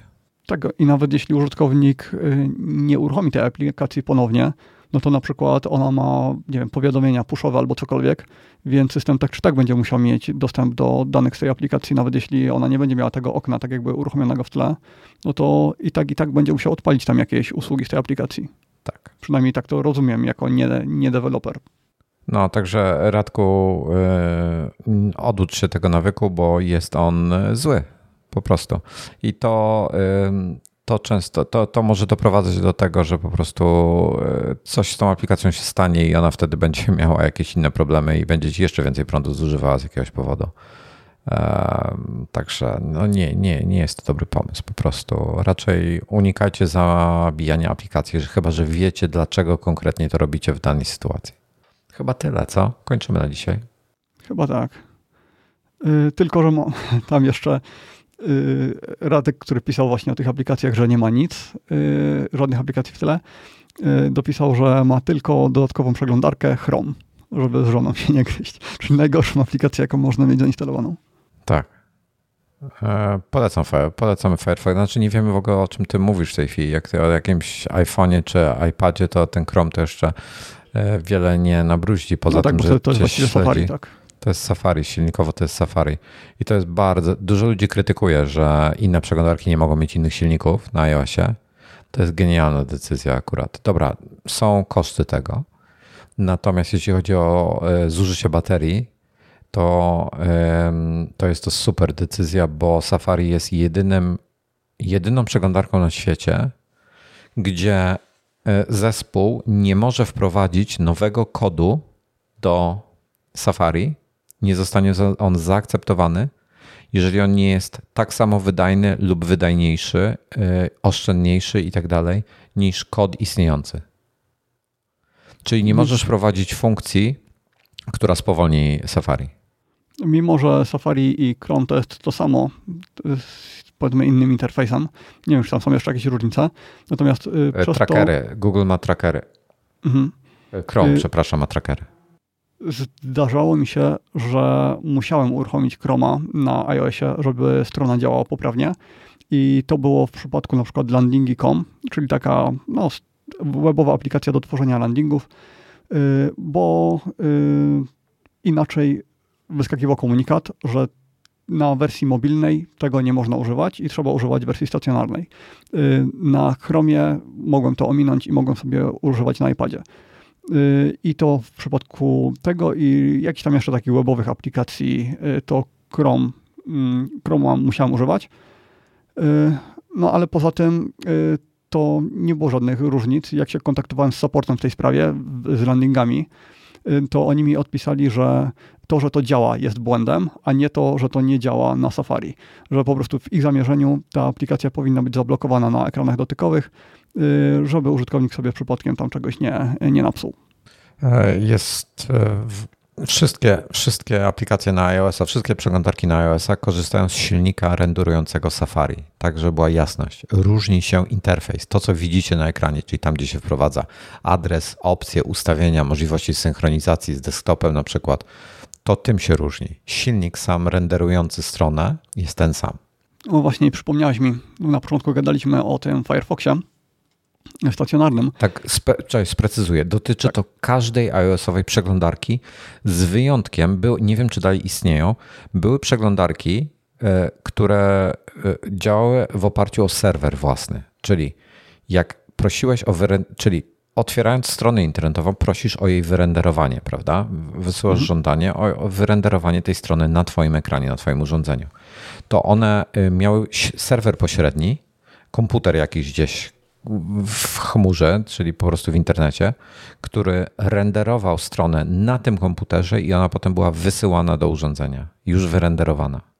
Mhm. I to, czyli była jako powiedzmy plik HTML czy coś takiego, tak? Nie, nie wiem, nie, podejrzewam, nie wiem dokładnie jak mhm. to było od tego. Ciekawe rozwiązanie. Um, i Atom się pyta, czy są tak samo bezpieczne. No nie są tak samo bezpieczne, ponieważ na przykład Chrome ma jakieś trackery wbudowane, które cię trakują po prostu, śledzą to, co robisz. I tam niby są te ograniczenia w iOSie i tak dalej, ale wielu deweloperów je po prostu ignoruje. E, więc to też jest tak średnio dobrze zrobione. No to jeszcze o tym Firefoxie. Y, Safari na iOS 15 jest tak dobre, tak wygodne, że przestałem używać Firefoxa już, bo, bo używałem go dlatego, żeby mieć synchronizowane wszystko na Windowsie i na mm, urządzeniach mobilnych. No ale to Safari jest teraz tak dobre, tak wygodny jest ten pasek na dole, to przerzucanie y, kart y, swipowaniem, y, no to, że po prostu to jest w zasięgu kciuka, tak błyskawicznie, no taki szybki dostęp do tego, że nie jestem w stanie już wrócić do przeglądarek, które wyglądały tak jak kiedyś, gdzie miały to wszystko u góry. Jak kojarzę, że Safari kiedyś eksperymentowało z tym paskiem na dole wcześniej już, że gdzieś przez jakiś czas coś gdzieś był ten pasek na dole. Może to nie było w Safari, może to było w jakiś... A, wiem gdzie to mogło być. To mogło być na Windows Phone, w, e, w bingowej przeglądarce. Mógł, mógł być pasek na dole. Gdzieś był, na jakimś telefonie albo aplikacji. Dobra, e, u mnie się zaczynają już jakieś roboty cięższe, bo już słyszę młotki i blachę. Więc, no, było że... tak, jakby ci ktoś pukał w, nie wiem, po blacie albo w okno, taki no, dźwięk, tak, no, tak. Gdzie nie, nie wiem, co robią, wyjrzę później przez okno, zobaczę, e, ale, ale ten, ale zakończmy w takim razie dzisiaj, dopóki się nie zacznie e, jakiś większy hardcore. Dziękujemy bardzo za towarzystwo. I co? I usłyszymy się być może za tydzień. Nie wiem, co jest za tydzień, ale być może się za tydzień usłyszymy. Do zobaczenia, do usłyszenia. Cześć.